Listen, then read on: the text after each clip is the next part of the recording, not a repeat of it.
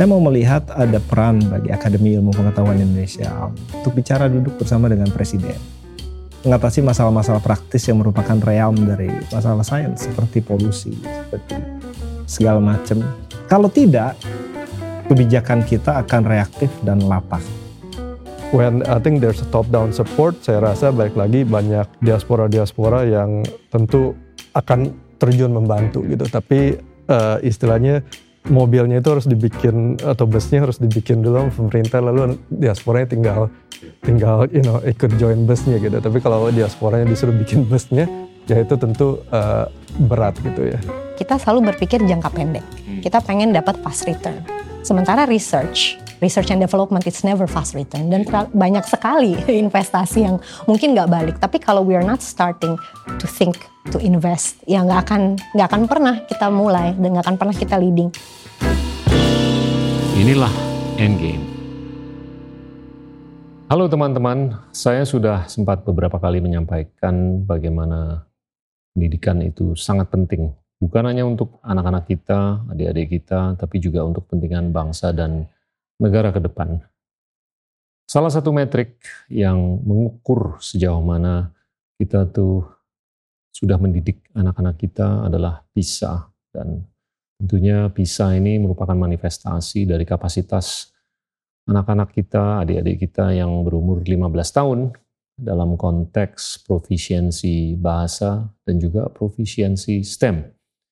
Sayangnya skor Indonesia itu masih bisa dianggap cukup rendah, kurang lebih 71 dari 78 negara yang diukur ini cermin kecil dari bagaimana kita harus menyikapi mengenai pendidikan STEM secara khusus untuk Indonesia ke depan. Tentunya ini berkorelasi dengan sistem pendidikan yang ada di rumah tangga, tapi juga sistem pendidikan yang ada di sekolah, apakah itu sekolah dasar sampai sekolah tinggi yang ada di Indonesia.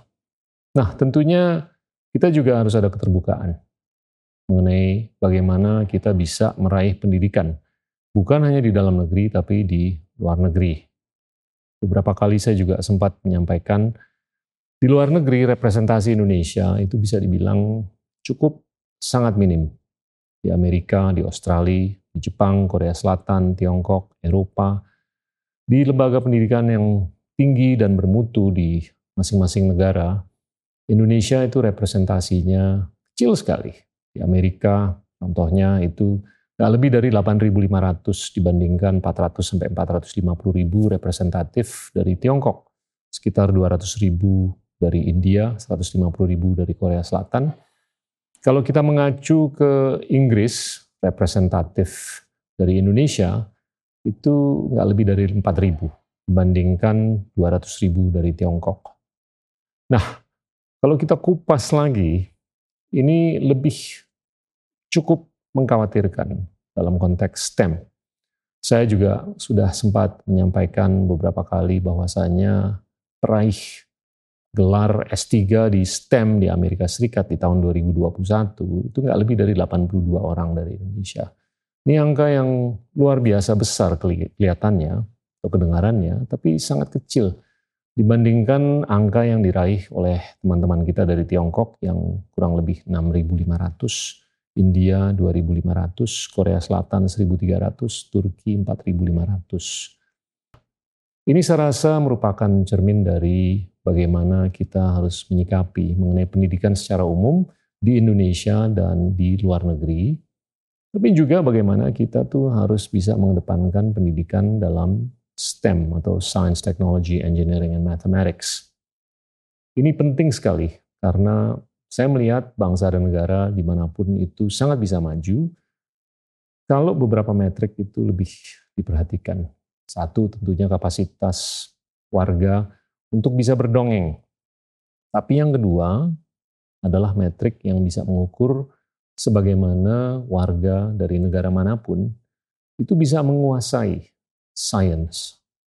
Dan sains itu sangat berkorelasi dengan kepentingan siapa pun untuk meningkatkan produktivitas.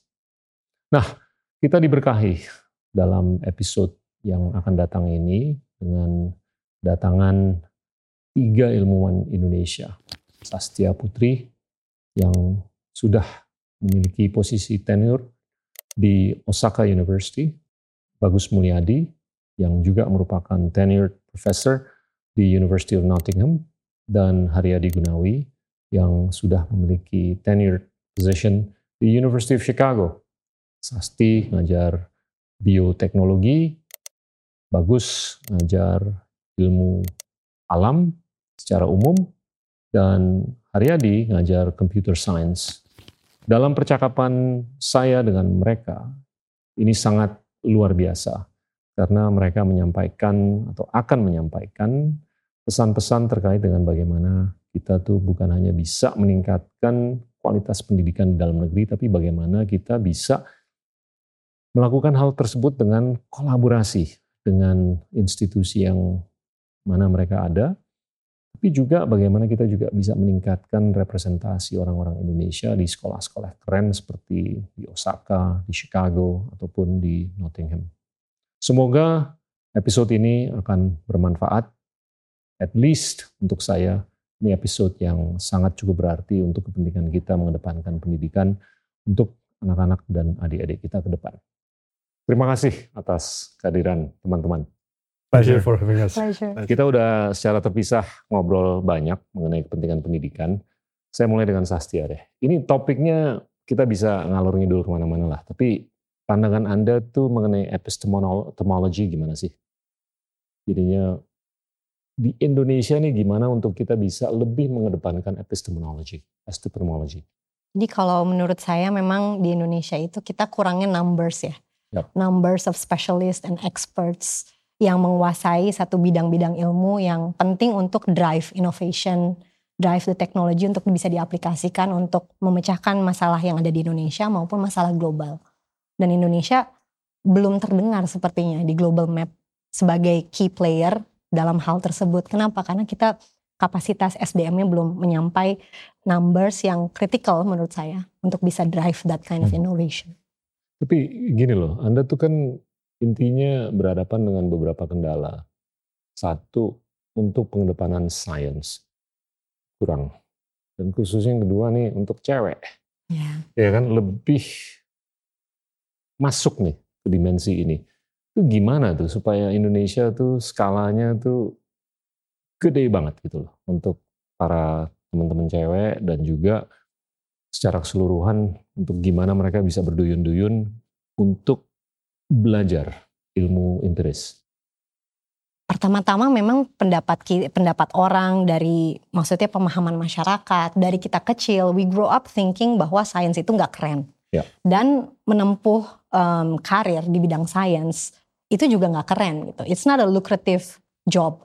Ya. Jadi dianggap bahwa saintis itu adalah orang-orang yang terpanggil dan kita bekerja di jalan yang sunyi, which is true. Ya. Sebagian orang memang terpanggil dan memang memiliki satu ideali- ideologi ya idealisme gitu untuk bisa mendedikasikan dirinya mengkontribusikan kak- kepakarannya untuk the greater good. Siap. Tapi seberapa banyak orang yang seperti itu? Hmm. If we want to talk about numbers and we want to talk about significantly increasing the numbers, bahwa ini harus ada satu promosi yang masif untuk kita bisa increasing the numbers. Berarti gimana? Kita harus mengubah dari persepsi masyarakat bahwa sains itu bukan hanya yang bukan hanya penting tapi it's essential, it's ultimately necessary. Ya. Negara kita tanpa sains, tanpa teknologi nggak akan bisa survive, nggak akan bisa bersaing. Dan sekarang itu masih menurut saya di level jargon, nggak benar-benar ada, hmm, maksudnya satu ke- kegiatan yang masif, yang benar-benar fundamental bisa mengubah gitu Ya. segala tatanan dari mulai pendidikan dasar untuk membuat anak-anak muda kita merasa Ya. terpanggil gitu. Kalau I want to be a scientist one Ya. day because it's a very very important, essential, and it's a lucrative Ya. um, career in the future. Ya. Jadi dari pertama minat itu harus ada dan terakhir penyerapan juga harus ada.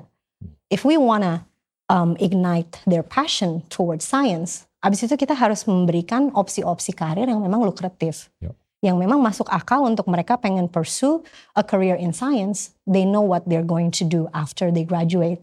They're going to be able to have a good living Ya. being an academic.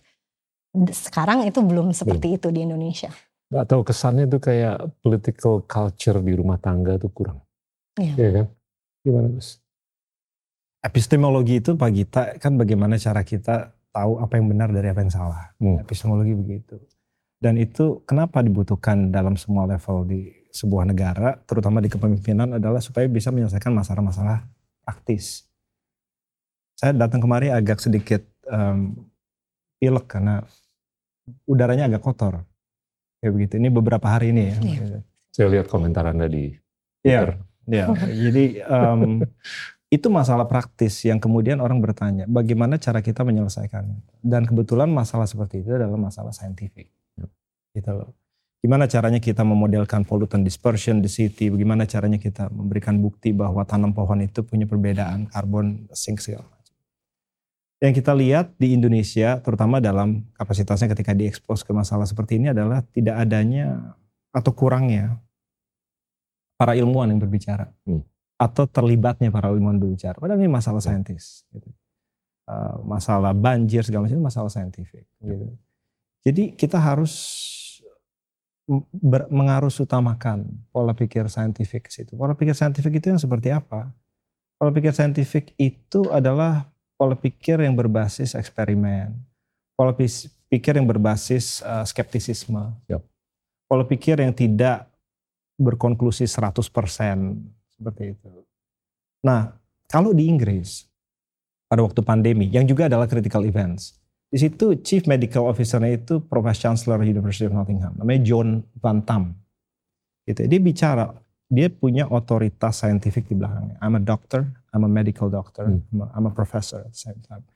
So public knows that for everything that gets stated in the in the public, that there is a scientific underline behind it. There are credible papers behind it. Jadi ini adalah wake up call ya karena polusi itu adalah prekursor masalah yang lebih besar. Climate change dan segala macam dan Indonesia harus fasih berbicara sustainability yang semuanya adalah masalah saintifik. Jadi saya lihat Jepang leading di uh, bidang-bidang yang sifatnya sustainable. The US start to talk about it. The UK start to talk about it yang kita coba lakukan di sini Hmm.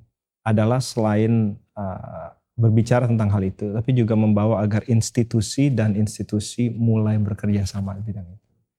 Kita membuka celah uh, untuk mereka berkolaborasi supaya riset itu mengarah ke penyelesaian masalah-masalah seperti itu. Itu masalah interdisipliner. Masalah yang tidak bisa diselesaikan hanya seorang eh, mechanical engineering, epistemologinya mechanical engineering apa tuh? nggak mungkin suruh nyelesain semua masalah kan. Jadi ini perlu ada dialog dan bukan hanya antar akademisi. Saya mau lihat bahwa di UK itu ada the Royal Society, the US National Academy of Science. Di Indonesia ini ada Akademi Ilmu Pengetahuan Indonesia, Akademi Ilmuwan Muda Indonesia. They have to start uh, taking the lead role. They have to talk with policymakers. They have to advise on behalf of scientific community what's the new epistemology moving forward. Gimana? Kita tuh waktu itu kan ngobrol banyak mengenai betapa dikitnya orang dari Indonesia yang lulus dengan S3 di STEM, Ya. ya kan? 82 tahun 2021 dibanding Tiongkok 6 ribuan, India Aha. 2 ribuan, Korea Selatan 1300, Turki 450, Ghana aja di atas Indonesia. Ya kan? Nah ini satu challenge-nya adalah untuk angka 82 itu bisa dinaikin, tapi yang kedua seperti Bagus dan Sastia ngomong, gimana itu bisa diinter atau multidisiplinerkan. Ya. ya. Dan dan apa yang Anda lakukan tuh mulia sekali karena Anda tuh keluar dari bungkusan computer science aja. Ya kan, nggak di situ aja. Hmm. Tapi gimana untuk lo mau belajar di University of Chicago di bidang apa pun Mhm. supaya bisa gitu. Ya, Coba deh. Ya, eh, mungkin eh, saya agree apa yang Mbak Sastia, Mas Bagus katakan. Lu gua Saya- aja kalian bertiga usia kelompok kelompok umurnya nih lebih muda soalnya. Ya kita kita I think uh, story-nya lengkap. Saya tambahkan dikit saja. Memang kan ada satu kata ya info- information is powerful ya. Baik I think di uh, perbisnisan dan juga menurut saya di uh, akademia juga juga sama sih menurut saya. Hmm. Dan uh, kadang memang menurut saya banyak sekali uh, informasi global ya, uh, opportunity opportunity uh, di luar negeri yang yang mungkin nggak mengalir ke Indonesia. Hmm. Tapi saya mungkin mau ingatkan mungkin uh, adik-adik yang melihat kita bahwa ingat saya sekarang zamannya open information, open source, open data. I think everything uh, is searchable in Google. Uh, bahkan live in academic mungkin di Jepang, uh, di UK, ya, di US. I think semua sudah banyak didiskusikan online. Uh, jadi contoh misalnya ketika kita bicara riset, uh, kadang saya bicara dengan uh, siswa, uh, ada mungkin basic pertanyaan, tanya, uh, Prof di di Amerika masih ada research tentang microcontroller nggak gitu? Ya tentu saya jawab, tapi dalam hati saya that questions you could find the answer by googling it gitu yeah. ya. Jadi uh, kadang menurut saya mungkin memang uh, uh, shift dikit mungkin dalam persiapan kita gitu. Kita always need to try to prepare two or five years ahead gitu ya, baik dari you know struktural, administrasi, baik individu gitu yeah. ya. Dan dan menurut saya kita uh, harus persiapkan gitu banyak uh, all the questions yang kita ingin jawab kita keep adding to our list dan mungkin uh, a simple suggestion every 15 minute a day ada kan termnya atomic habit yeah. just spend Bagus every 15 minute habit yeah.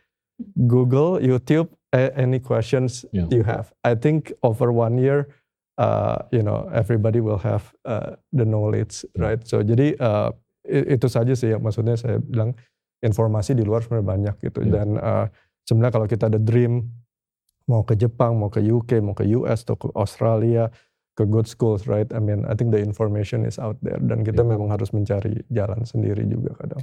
Gimana tuh untuk budaya di Indonesia tuh benar-benar rampan untuk menyadari bahwa yeah. pola pikir open source. Yeah, yeah itu ya. bisa menyongsong masa depan yang mana ya bukan satu aja di Nottingham, bukan satu aja di Chicago, ya. bukan satu aja di Osaka. Ya. Tapi ada ya syukur-syukur 25 ya, di Osaka, 25 ya. di Nottingham, 25 di Chicago. I mean you guys are exceptional, ya, ya kan? Tapi gimana nih untuk scale? Karena kita kalau ngelihat orang-orang dari Tiongkok, dari India, South ya. Korea dan lain-lain kayaknya agak-agak tinggalan banget gitu. Iya. Ya. Siapa nih yang mau kalau menurut saya pertama mungkin ini ya budaya baca buku kita itu sangat-sangat rendah literasi baca buku. Saya udah berbusa lah ngomong nah, begitu. itu tapi itu very fundamental. Hmm. Di Jepang itu mereka sangat baca buku. Maka hmm. diajarkan dari kecil itu um, ya anak saya sekolah gitu ya dari sistem pendidikan Jepang memang itu sangat diintegrasikan ke dalam kurikulum baca buku, cari tahu sebelum bertanya ya. ya. Cari tahu sebelum bertanya itu adalah budaya yang menurut saya penting sekali. Kenapa? Karena kita diajarkan untuk siapkan diri dulu baru action gitu. Jadi tadi menyambung yang tadi disampaikan oleh Mas Har gitu. Kita kadang-kadang kan senangnya nanya dulu, terus menyerap segala informasi itu kadang-kadang nggak difilter. Kenapa? Karena basic knowledge untuk memfilter, analytical thinking untuk memproses informasi itu juga rendah menurut saya. Jadi di era yang sangat banyak informasi yang tadi sudah disampaikan, semuanya informasi bisa kita dapatkan, tapi kalau tidak bisa dicerna, diproses, dianalisa, dan akhirnya disintesa, informasi itu tidak akan jadi apa-apa. Tapi begini loh, Sas. Anak Anda tuh beruntung. Hmm. Karena Anda tuh merangkul budaya baca buku. Okay. Jadi Anda ngajarin anak Anda untuk baca buku. Kalau Anda nggak punya pemikiran kayak gitu, terus Anda tergantung, Anda tergantung guru aja di sekolah di Jepang atau apa, hmm. masih ada kan kemungkinan dia mungkin nggak baca buku kan? Ya, bisa. Karena memang pola pendidikan itu kan bukan hanya di sekolah iya. ya pola pendidikan di keluarga, di masyarakat itu it takes a village to raise a child gitu. Jadi Betul. memang secara Betul. kolektif kita harus punya sistem yang siap gitu untuk mendidik generasi hmm. depan bangsa. Mungkin yeah. it's, it's a little bit too late untuk generasi yang sudah pentas. Tapi saya. ya ya karena itu minat ya. Kalau misalnya orang udah di umur uh, di kita gitu ya memang dasi darah da, dasarnya yeah, dari 12. dulu kecil tidak suka membaca, kita encourage sekarang mungkin sedikit a little bit too late gitu. Yeah. Tapi hmm. kalau misalnya kita bibitkan dari sekarang, it's not too late. I think 2045 kita punya hmm. uh, bonus demografi yang baik. Jangan sampai kualitas-kualitas SDM yang nantinya akan jadi bonus bukan jadi bonus tapi jadi beban gitu. Yeah. Jadi gimana caranya kita harus mulai sekarang. Yeah. Sepakat tuh Pak Gita.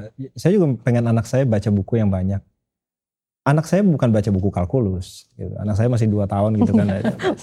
8 tahun suruh baca buku mekanika fluida kan nggak masuk. Dia baca cerita dia baca kisah. Ya tentu di UK kisahnya ya kisah UK gitu kan. Betul. Jadi dia tapi belajar etika dari situ. Dia belajar tentang etos berpikir. Tadi kita bicara scientific thinking. Ya. Itu diinstil kebudayaannya terhadap anak kecil bukan dari buku pelajaran, tapi dari buku tentang kisah-kisah. Di UK itu ada kisah tentang bahkan dibikin lagu gitu ya. Lagunya itu mengingatkan orang kepada Black Death, plague, Hmm. the plague Ya, ya, 1346. itu kan. Hmm. Jadi anak-anak dari kecil baca cerita tentang itu dia tahu gitu. Mungkin dari situ termotivasi untuk belajar bioteknologi segala macam. Itu dari situ sebenarnya. Indonesia tuh gudangnya cerita sebenarnya banyak gitu ya. Cuman saya belum melihat itu digunakan betul-betul sebagai ornamen untuk menginstil etos dari sebuah bangsa itu supaya anak-anak tuh uh, tumbuh menjadi uh, orang yang berindonesiakan banget di hati. gitu. Jadi Cerita itu sangat powerful. gitu. Nah, tadi kita bicara sedikit tentang kirim orang ke luar negeri. Nah, anak-anak ini akan dewasa dikirim ke luar negeri kan. Ngapain kita kirim orang luar negeri sebenarnya? Sebenarnya untuk memecahkan permasalahan bangsa, Hmm. ya kan? Memecahkan permasalahan bangsa karena ada masalah-masalah yang bangsa ini bisa pecahkan, yang membuatnya bisa punya comparative advantage, bisa mendapatkan economical benefit, Ya. bisa menjadi leading G4 country segala macam. Kita butuh expert seperti itu. Saya, Mas Har, Mbak Sas, it's just a small cog in a big machine. Tapi permasalahan bangsa itu interdisipliner. Iya. Kita mesti bikin semacam special forces of Indonesian scientists. Yeah. Let's say in 2024 we need 100, a Yeah. thousand, Yeah. maybe a million. Yeah. But these people need to be trained to specifically target specific problems. Dan problem ini interdisipliner. Hmm. Mungkin mereka bisa ke grupnya Mbak Sasti bicara tentang bioteknologi di situ. Mungkin ke Mas Har bicara computer science. Tapi permasalahan apa yang ingin dihadapi? Oh masalah tentang geothermal energy di Indonesia. Itu memanggil biotek, memanggil computer science. Oh masalah biodiversitas yang memang gudangnya ada di Indonesia. Kemarin saya pulang dari Makassar. Iya. Wallacea itu Iya. Yang adalah Betul. cikal bakal Darwin theory itu adanya di Indonesia sebelah timur, di NTB, di Makassar, Hmm. Halmahera segala macam. Tapi kita belum mengkultivasi itu. Iya. Karena balik lagi ke epistemologinya, cara berpikirnya belum ke situ. Jadi kita sporadik aja. Iya. Ngirim atau nggak kirim, atau ngirim harus balik atau segala macam gitu ya. Tanpa ta- ada semacam kepemimpinan yang jelas problemnya yang mau diselesaikan seperti apa, visinya seperti apa, kebijakan lintas kementeriannya seperti apa yang mendukung pendanaan infrastruktur sehingga mereka bisa kembali. Ya, seperti itu. Kalau ada narasi yang kuat, ilmuwan Indonesia hebat-hebat. Tuh. Kayak gitu. Cuma mereka nggak dapat kesempatan. Ya. Kalau saya kan privilege aja gitu kan, beruntung gitu Ya. saya dapat. Mbak Sas dan Mas Har juga. Tapi kalau mereka diberikan kesempatan, diberikan narasi, diberikan agenda yang kuat dan semua instrumen di belakangnya mendukung, saya rasa itu bisa Ya. diterima dengan baik. Saya kalau ingat cerita kalian masing-masing tuh sempet ngalamin episode yang mana IP kalian tuh nggak oke banget gitu loh. Iya kan? Common denominator kalian tuh itu. Tapi gimana bisa semester pertama bangkit aja gitu kalau ya? saya pak. saya semester pertama bukan Iya. sampai bagus sampai Sama, lulus. sama. Sama nih, sama. Common thread-nya sama. Iya, iya. Tapi gimana bisa bangkit dari situ kan? Jadinya kita tuh kadang-kadang terjerumus atau terpojok di sense of hopelessness. Iya. Iya kan? Tapi sebetulnya jangan begitu. Kita bisa nih keluar dari lubang jarum ini. Gimana, Ara? Ya, eh, kalau ambil cerita saya, tapi saya yakin similar. I think uh, we are influenced by our environment ya. Iya. Jadi kadang ketika kita put ourselves dengan roommate-roommate yang 4.0 GPA, right, atau dengan uh, Kalau saya pikir scientist-scientist- 2,7. Nah, sampai itu yang 4.0 itu. Ya, jadi eh, jadi mungkin eh, balik lagi tadi kita, kita, eh, nyambung-nyambung ke sana gitu gimana mau scale ya. Iya. I think ketika kita bicara eh, banyak eh, diaspora yang sudah di Amerika, tapi kita untuk scale mungkin harus pakai eh, power of two, right? Dari dua ke empat, dari ke delapan gitu ya, moga-moga ya. Eh, tapi eh, ya saya rasa jadi yang yang yang yang saya lihat memang balik lagi informasi nggak mengalir. Jadi mungkin di environment mereka mereka tidak meli- melihat gitu apa opportunity opportunity yang ada di luar sana. Uh, tentu yang tadi saya bilang informasi ada tapi harus Google. Jadi kan Yeah, itu yeah. extra effort gitu Yeah. kan. Yeah. Uh, a- at the end of the day sa- saya ingat mungkin back in the days uh, yang mungkin zaman saya 97 uh, saya juga tahu banyak lulusan SMA ke ke Amerika gitu kan. Tapi kalau ditanya kenapa Amerika nggak ada jawaban logika sebenarnya. Hmm. Semua ngomong ikut-ikutan aja, Hmm. right? Jadi uh, at one point ketika informasi itu sudah standar, sudah ngalir uh, dan lain-lain, jadi kita bakal reach certain skill ketika ya kita istilahnya banyak siswa ikut-ikutan aja dan mati in a, in a positive way gitu ya, menurut saya gitu. Uh, tapi kalau bicara uh, jujur tentu ketika kita mau mau scale mau tidak mau kita harus ada top down support ya yang tadi Oh, seperti dibicarakan gitu. Mau nggak mau dari uh, pemerintah dan kita uh, saya sih optimis karena sudah melihat pemerintahan in the last 10 15 years. Like I think we are going in the right direction although albeit you know slowly. Uh, tapi uh, kita going in the menurut saya going in the right direction ya. Uh, seperti contoh kan yang wak- waktu itu saya bilang, saya waktu itu ketemu datanya cuma nggak ketemu lagi.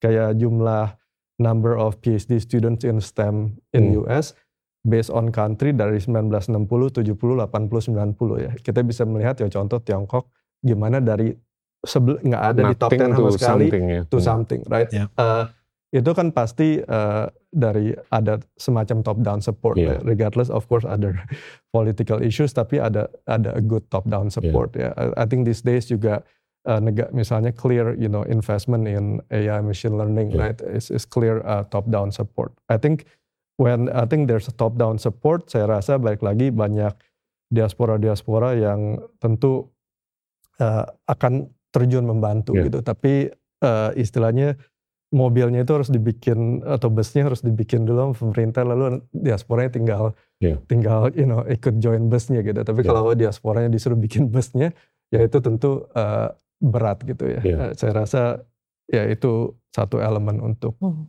skill. Saya, saya mau Ya. jemput poin-poin kalian deh, Ya. ya, bahwa gimana Indonesia ini kan bukan negara kecil ya. Sebentar lagi kita ekonomi terbesar nomor 4 atau 5. Iya. Sebentar lagi tuh ya 22 tahun lagi. Hmm. Sebentar tuh untuk anak-anak yang masih nonton Cartoon Network, ya kan? Kenapa nggak dibikin aja Kopassus, Kopassus, Ya. Special Forces, ya kan? Ya. Masa sih kita nggak bisa mikir, ya udah kita bimbelin aja nih. Saya selalu ngomong, ya sempat ngomong sama teman-teman yang lain juga, kita bimbelinnya satu juta anak-anak muda setiap tahun.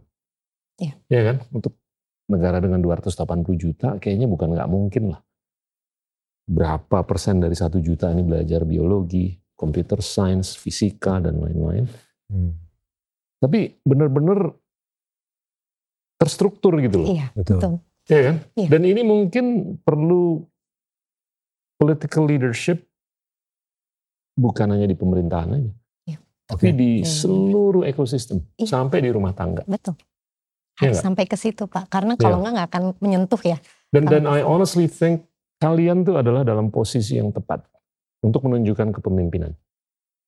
Karena you've proven yourselves, ya kan, untuk bisa masuk ke posisi itu yang mana gua aja dari Kere udah bisa ngajar sekarang di masing-masing kota. Iya. Dan ya masa lu nggak bisa? Nah caranya begini nih.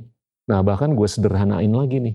Dulu gue mungkin makan waktu tujuh tahun untuk bisa sadar bahwa apa yang gue lakukan selama tujuh tahun itu salah. Nah ini gue bikin tiga minggu. Iya. Gimana tuh? Learning from experience. Saya sih Silakan. dulu saya pernah tanya mengenai IPK itu Pak. Saya IPK-nya 2,69 tuh. Lulus. Ibu saya I, nanya, I, I upgraded it to 2.7. "Eh, iya. Kenapa kamu IPK-nya jelek? Ya itu kan karena saya di ITB. Kalau saya di UGM kan. Hati-hati. Hati-hati. no, but but but but but it's an important question. Um, how do you view these students? Indo Indonesia yang orang Indonesia yang mau diberikan investasi agar darinya keluar kompetensi baru yang memimpin Indonesia 2045 menjadi G4 ekonomi. Mereka harus diberi, tingkatkan kapasitasnya karena itu salah satu dari tiga pilar knowledge based economy, carrier of knowledge orangnya. Ya. Tapi mereka juga harus dilihat sebagai agents for knowledge exchange. Itu pilar kedua knowledge exchange. Selain ditingkatkan universitasnya, itu baru tiga pilar knowledge based economy. Orang yang dikirim ke luar negeri harus bisa menjadi jembatan untuk pulang. Ada kemarin diskusi tentang beasiswa LPDP segala macam. Nomor satu saya bilang, orang yang harus taken kontrak sebagai consensual adult harus menepati kontrak itu. Kalau kontraknya harus pulang, harus pulang ya dia harus pulang. Iya. Itu masalah bukan masalah ideologi, itu masalah, Masalah kontrak. consenting adults Iya. respecting contracts.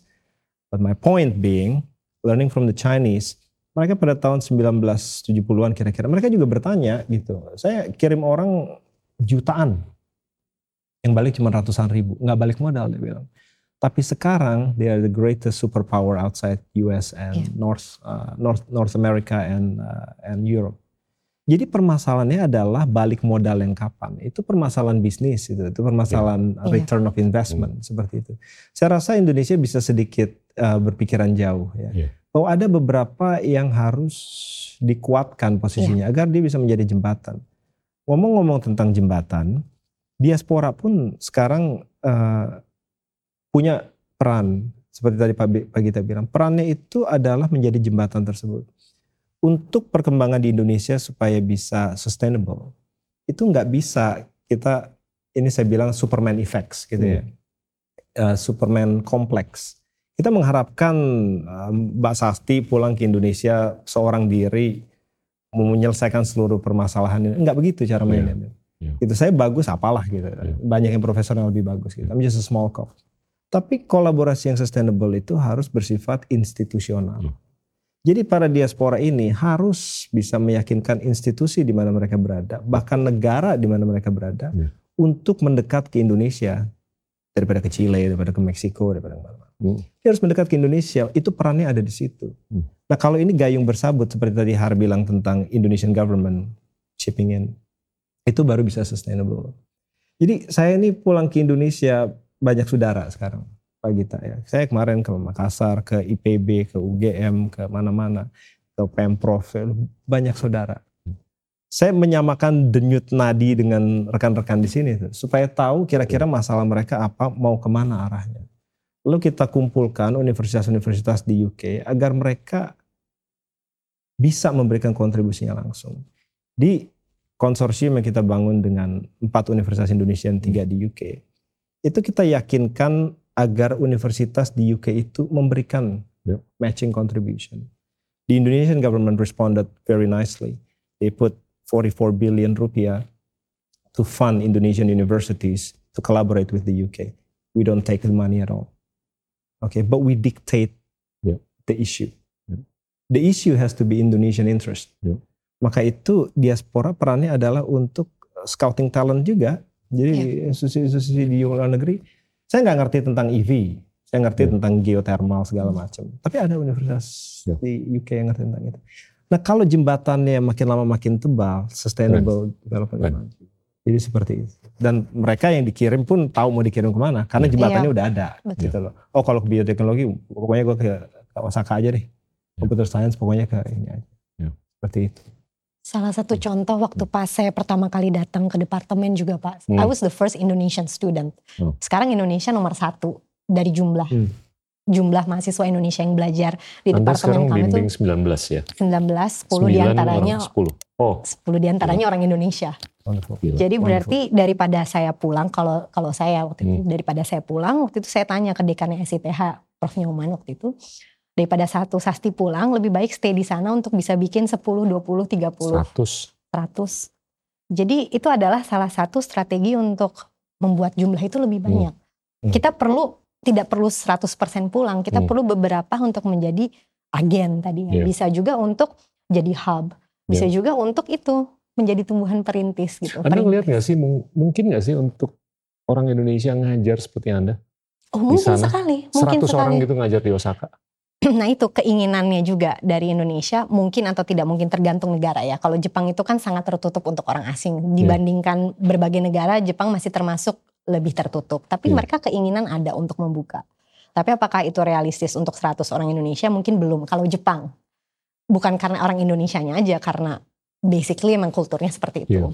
Tapi kalau misalnya di negara-negara lain yang memang sangat membuka, menurut saya kita harusnya bisa. Kepentingan saya bukan untuk ngusir orang Indonesia keluar dari Indonesia. Oh. Tapi justru kalau ada 100 orang ngajar, Iya, itu kan bisa banyak. puluhan ribu orang Indonesia diajarin. Betul. Ya nggak? Dan bisa Iya. pulang dan membangun Iya. negara kita. Tapi itu tadi seperti Bagus sampaikan, kita selalu berpikir jangka pendek. Hmm. Kita pengen Oke. dapat fast return. Ya. Sementara research, research and development it's never fast return dan terlalu- banyak sekali investasi yang mungkin nggak balik. Tapi kalau we are not starting to think to invest, ya nggak akan nggak akan pernah kita Iya. mulai dan nggak akan pernah kita leading. Tadi balik lagi learning from experience. Cina itu kan ada beberapa tahap pak. Mereka nggak tiba-tiba sekarang Betul. jadi bangun universitas yang kelas dunia. Iya. Kita lihat tahun 70-an Waduh. kenapa mereka harus kirim ke luar negeri? Hmm. Karena untuk bisa train, Iya. untuk bisa bikin universitas kelas dunia, mereka butuh orang-orang yang Betul. pernah kerja atau pernah berkarir, Iya. pernah mengalami gimana caranya untuk eh, ngebangun universitas kelas dunia tuh kayak gimana sih gitu. Iya. Gimana bisa tahu kalau hanya dapat pengalaman 2-3 tahun kuliah gitu. Iya. As a student beda banget sama kalau kita berkarir di universitas tersebut dan berkontribusi di dalam Iya. society as an expert gitu. Nah dari situ mereka kan rame-rame boyongan pulang, Hmm. bangun universitas di sana. Sekarang mereka nggak perlu lagi kirim segitu banyak Iya. orang ke luar negeri karena universitasnya ekosistemnya sudah Iya. siap. Berarti ada dua step. Bukan cuman kirim orang balik, kirim orang balik gitu. Tapi harus ada satu proses yang memang butuh long term. Tapi ya kita harus starting thinking long term karena Iya. kita nggak akan bisa selalu reinvent the wheel, bikin program jangka pendek, nanti lima tahun kemudian bikin lagi program jangka pendek lainnya. Hmm. Terus akan ada di titik yang fundamental nggak pernah going up, improve or upgrade gitu. Anda ngelihat atau kalian ngelihat nggak sih bahwa proses mendidik di Indonesia itu terjebak dengan proses politik? Oh yes. Ya Oh, kan? yes. Dan, dan mohon maaf, kita tuh nggak pernah mau ngobrol mengenai politik, tapi ini untuk pendidikan ya, itu harus dilepas kalau menurut saya, ya kan? Oh yes. Karena pendidikan tuh perlu pemikiran jangka panjang sekali. Iya. Tapi kalau kita terjebak dalam proses yang siklusnya tuh per lima tahun, sulit kan? Iya. Gimana nih? Siapa yang mau? I will have to say first that I I vouch for it's very difficult Pak Gita untuk seorang wanita bukan hanya orang asing Betul. untuk menjadi periset di Jepang. Iya. Sangat sedikit rektor wanita di Jepang. Gila, ini mah gila nih. Compared to even Oh. Indonesian has ITB, UGM, Yeah. Unpad. You're you're really a mo- role model for my for my daughter. Dan dan That's budaya Jepang itu, mohon maaf, agak-agak chauvinistic, ya kan? Yes, agak-agak. Iya kan?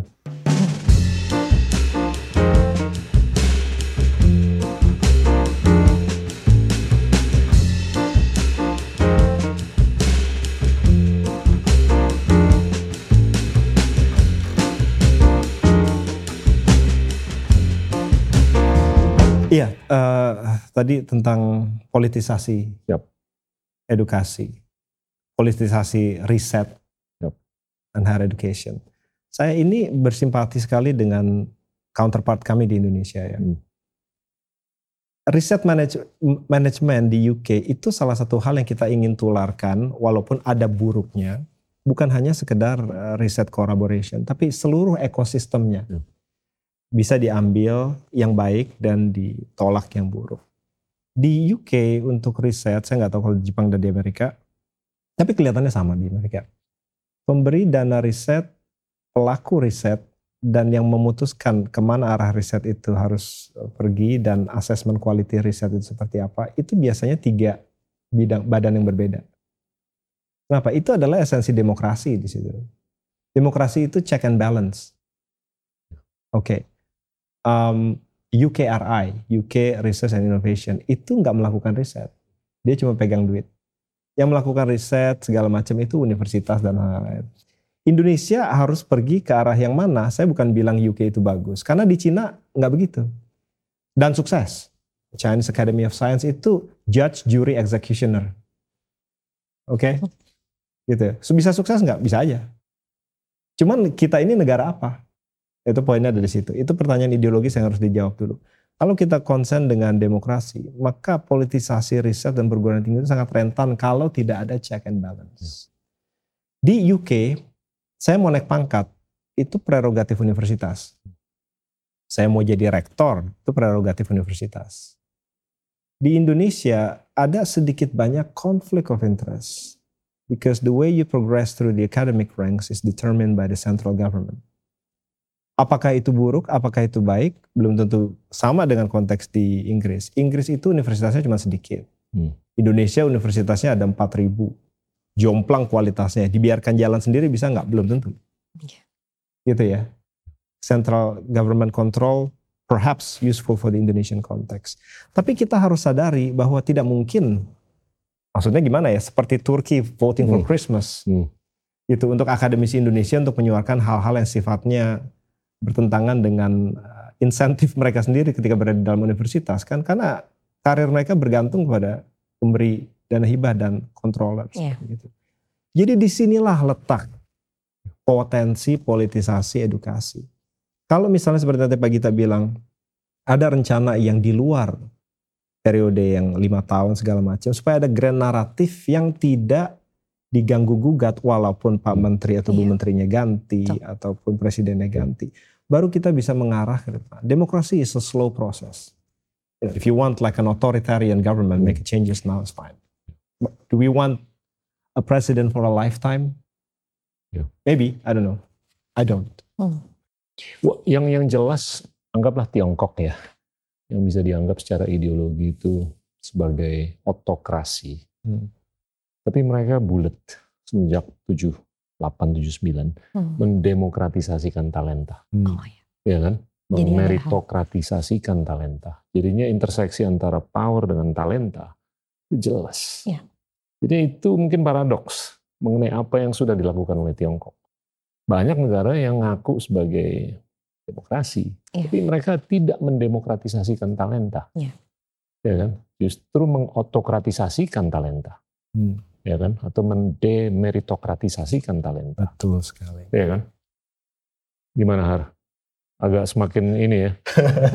ya, saya loncat-loncat dikit. Ya, seru juga soalnya tadi uh, kita bahas uh, banyak I think term-term ideologi, filosofi ya uh, saya kita uh, bisa ngobrol quantum computing juga gitu. terlalu berat buat saya juga apa uh, jadi uh, saya mungkin turun dikit hmm. ke pragmatik karena tadi Pak Gita uh, mention Kopassus lah ya uh, jadi kan kalau kita lihat in general Kopassus kan yang bimbingan belajar nyambung ke bimbingan belajar berarti kan intinya semua Kopassus harus bisa push up right? semua Kopassus harus bisa uh, punya stamina kuat jadi dalam arti kita analogikan berarti harus bisa Inggris, harus bisa mungkin skills, deep, ya? basic skill, deep science, right? But but at the end untuk untuk bisa sukses, each of those Kopassus mungkin ada ada yang jadi sniper, right? Yeah. Untuk hmm. sniper hmm. harus latihan specialized, right? right? Atau atau again bomb diffusing bomb dan lain-lain hmm. ya. Uh, jadi nah itu menurut saya uh, jadi ada generalisasi di mana itu uh, role pemerintah untuk kayak ya terus push so everybody bisa yeah. English, everybody yeah. bisa basic science dan lain-lain. Yang tadi Pak Gita bilang tentang bimbingan belajar. Nah, tapi menurut saya ketika kita bicara per area spesialisasi di sinilah menurut saya peran diaspora penting dan harapan saya hmm. adalah yang ini Mas Bagus nih hebat banget capek-capek dia yang Gila. gluing ya, everybody gitu ya. Jadi kan intinya mungkin Mas Bagus yang gluing everybody istilah celahnya bagaimana sih bekerja sama dengan UK? Yeah. Gitu. Karena bekerja sama dengan UK maybe beda dengan US dengan Jepang, right? Jadi harus spesialisasi negara, belum lagi spesialisasi area. Yeah. Ya, jadi uh, yang yang waktu itu saya juga bilang gitu, kalau kita nggak bisa spesialisasi, uh, tapi kita punya birokrasi, policy di dalam mempersiapkan siswa ini adalah generik, dan kita nggak bakal bisa scale. Mau kita siapkan sebagus-bagusnya juga belum tentu bisa masuk celahnya bagaimana masuk celah ke computer science.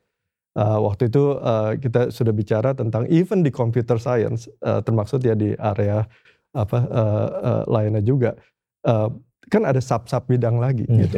Right? Yang saya waktu itu cerita untuk masuk ke machine learning, ke systems, ke ke teori, itu persiapannya beda lagi gitu. Right? Jadi Uh, jadi balik lagi yang kita kecil ketika kita bicara mungkin uh, politisasi atau birokrasi, mungkin yang saya lihat jadi kadang ada certain policy yang dibikin sama semua, jadi yeah. akhirnya kita nggak bisa tembus ke spesialisasi spesialisasi itu atau bisa skill ke spesialisasi it spesialisasi itu yang itu yang saya lihat gitu ya.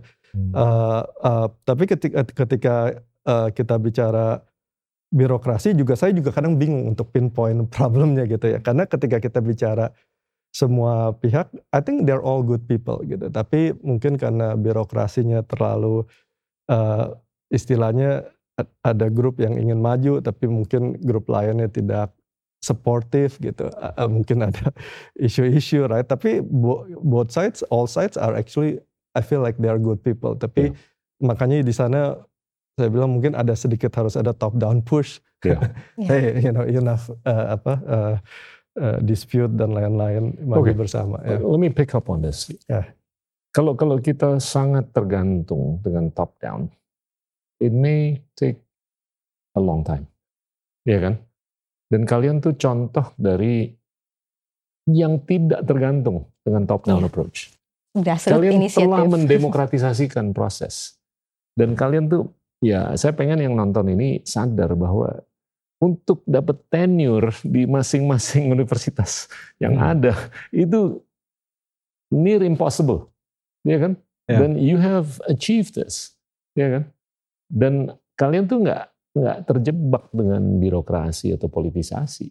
Kalian keluar dari situ. Sekarang yang saya lagi mau cari tahu adalah gimana untuk ini bisa di scale up hmm. dengan proses yang lebih demokratis. Betul sekali. Ya kan? Gimana untuk kita keluar dari jebakan ini? Ya syukur-syukur yang ini bisa berkembang secara positif, top down approach-nya kan. Tapi saya merujuk ke apa yang Anda sampaikan beberapa waktu yang lalu 80% dari pendanaan untuk S3 di Amerika untuk STEM itu dari institusi ya. pendidikannya, bukan dari pemerintah. Ya, oke. Okay. Ya kan? Jadi ya itu memberikan optimisme untuk siapa pun yang minat melihat Google, minat baca buku, minat belajar untuk bisa dapat pendanaan. Mitos ini kalau menurut saya yang harus dipatahkan pertama kali. Ya, ya. Baru kita bisa mengkopasuskan nih ya. dengan budaya-budaya leadership yang ada di kalian gitu loh. Saya sedikit pengen tambahkan hmm. karena tadi disampaikan juga sudah sama Mas Bagus. Pak Gita juga sudah bilang bahwa kita butuh stability, hmm. certainty, hmm. dan predictability Pak. Siap. Apa pun ide yang terlahir dari roundtable ini, dari kita ngobrol-ngobrol, itu sebetulnya sudah tercetus over and over and over. The point is we're always coming back ke ide pelaksanaan awal. Habis itu nanti ide yang sama yeah. dalam bentuk format atau program yang berbeda balik lagi ke ide mentah lagi. Jadi salah satu menurut saya privilege yang luar biasa sebagai peneliti di Jepang adalah a sense of stability itu luar biasa. Yep. Ekosistem yang stabil, yang certain dan predictable. Baru dari situ kita bisa bikin long term plan. Tanpa itu everything is gonna be a ya mood point gitu ya. Akhirnya tetap aja akan mentah lagi. Nah, siapa yang akan bikin satu sistem yang stabil ini? Hmm. Itu satu. Apakah kita rely on misalnya government yang selalu berganti dan hmm. um, stabilitasnya saat ini masih sulit gitu ya dalam hmm. hal program-program yang akan terus diikuti secara konsisten, secara stabil, atau kita dari grassroots initiative, hmm. misalnya udah dari kampus, hmm. dari kampus misalnya academicians form, misalnya kayak seperti union atau society, kita sepakat gitu akan menerapkan sistem yang sifatnya long term. Kalau memang um, ekosistem stabil itu tidak tidak bisa diraih, apa pun program yang akan dicapai sekarang nanti bisa jadi akan berganti atau dimentahkan atau completely gone dan bikin lagi program yang baru lagi lima tahun lagi, 10 tahun lagi. Dan kita akan terus berjalan di tempat gitu. Gini loh Sas, saya punya naluri ya. ya. Kalau Anda udah bisa membimbing 100 orang Indonesia, ya. saya punya keyakinan. Hmm. Top down-nya bakal kejadian. Ya. Iya kan? Hmm. Kita Karena orang pasti bakal, loh loh loh. Si Sastian bisa. Gue kayaknya ketinggalan nih. Pada begini tuh nanti. Terus hari ini tiba-tiba dia membimbing 50 sampai 100 di University of Chicago. Brrr. Dan dia targetnya sampai ke 100. Bagus ngebimbing 100 orang Indonesia. Saya nggak tahu gimana nalurinya kalau udah masing-masing dari kalian bertiga udah bisa membimbing tiga, 100 orang Indonesia masing-masing. Jadi itu barang. Policy will follow. Iya. I, I, kan? I agree with that. Kita bisa kerja dulu sendiri, I, buktikan. Uh. Betul. Jangan menganggap remeh kontribusi dari seorang individu, bukan kepada iya. kita ya maksudnya. Ya. kalian bertiga. Saya tadi bilang memang kita small cock in the big machine, tapi seorang individu, saya merasa sekarang there's a great power Ini there's, Terasa, there's kan? absolutely Bola saljunya udah terasa. bola saljunya udah terasa Ah. ketika saya merasa pemerintah Inggris Iya. mulai mendukung saya melalui representasinya di Indonesia. Ketika kita hadir di Makassar, Jawa Barat, segala macam membangun jembatan dengan bukan hanya kementerian tapi pemerintah regional. Mereka hadir di situ dan mereka mendukung 100%. That's power. That's power. Jadi di sana itu kita bisa melakukan peran-peran yang non tradisional akademik sebenarnya. Bukan hanya untuk merespon opportunity yang sudah ada, tapi juga menciptakan opportunity baru baik di bidang pendanaan. Tadi seperti saya bilang. Saya di konsorsium yang kita tadi sebut UKICIS di Indonesia tadi ada pendanaan uh, dari LPDP untuk sisi dari Indonesianya. Itu dengan otomatis menekan pemerintah Inggris untuk memberikan matching contribution. Hmm. Sehubungan dengan pentingnya peran Indonesia bagi Inggris secara keseluruhan. Seperti itu. That's a that's a winning game. Oh. You know, ya, influence dan persahabatan dengan negara tetangga itu mahal harganya. Dosen di universitas di Inggris itu ketika dia di Indonesia dia bukan hanya bagus pemegang paspor hijau, bukan. Bagus ini adalah University of Nottingham itu Betul. sendiri. Betul. Hari ini adalah University of Chicago itu sendiri gitu loh. Ketika mereka melihat kita itu this guy is Indonesian, no Hmm. their British entity. Ya. Jadi ketika kita di sana kita bisa melakukan hal-hal yang secara tradisional tuh foreign policy bureaucracy cannot touch. Karena mereka bukan bagian dari Inggris. Tapi kita bagian dari situ. Nah, kita coba untuk memajukan interest Indonesia di situ supaya soft power Indonesia itu makin meningkat lewat diplomasi sains.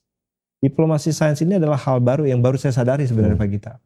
Jadi saya nggak pernah berpikiran ngapain eh, riset ngurusin demokrasi, biro eh, diplomasi.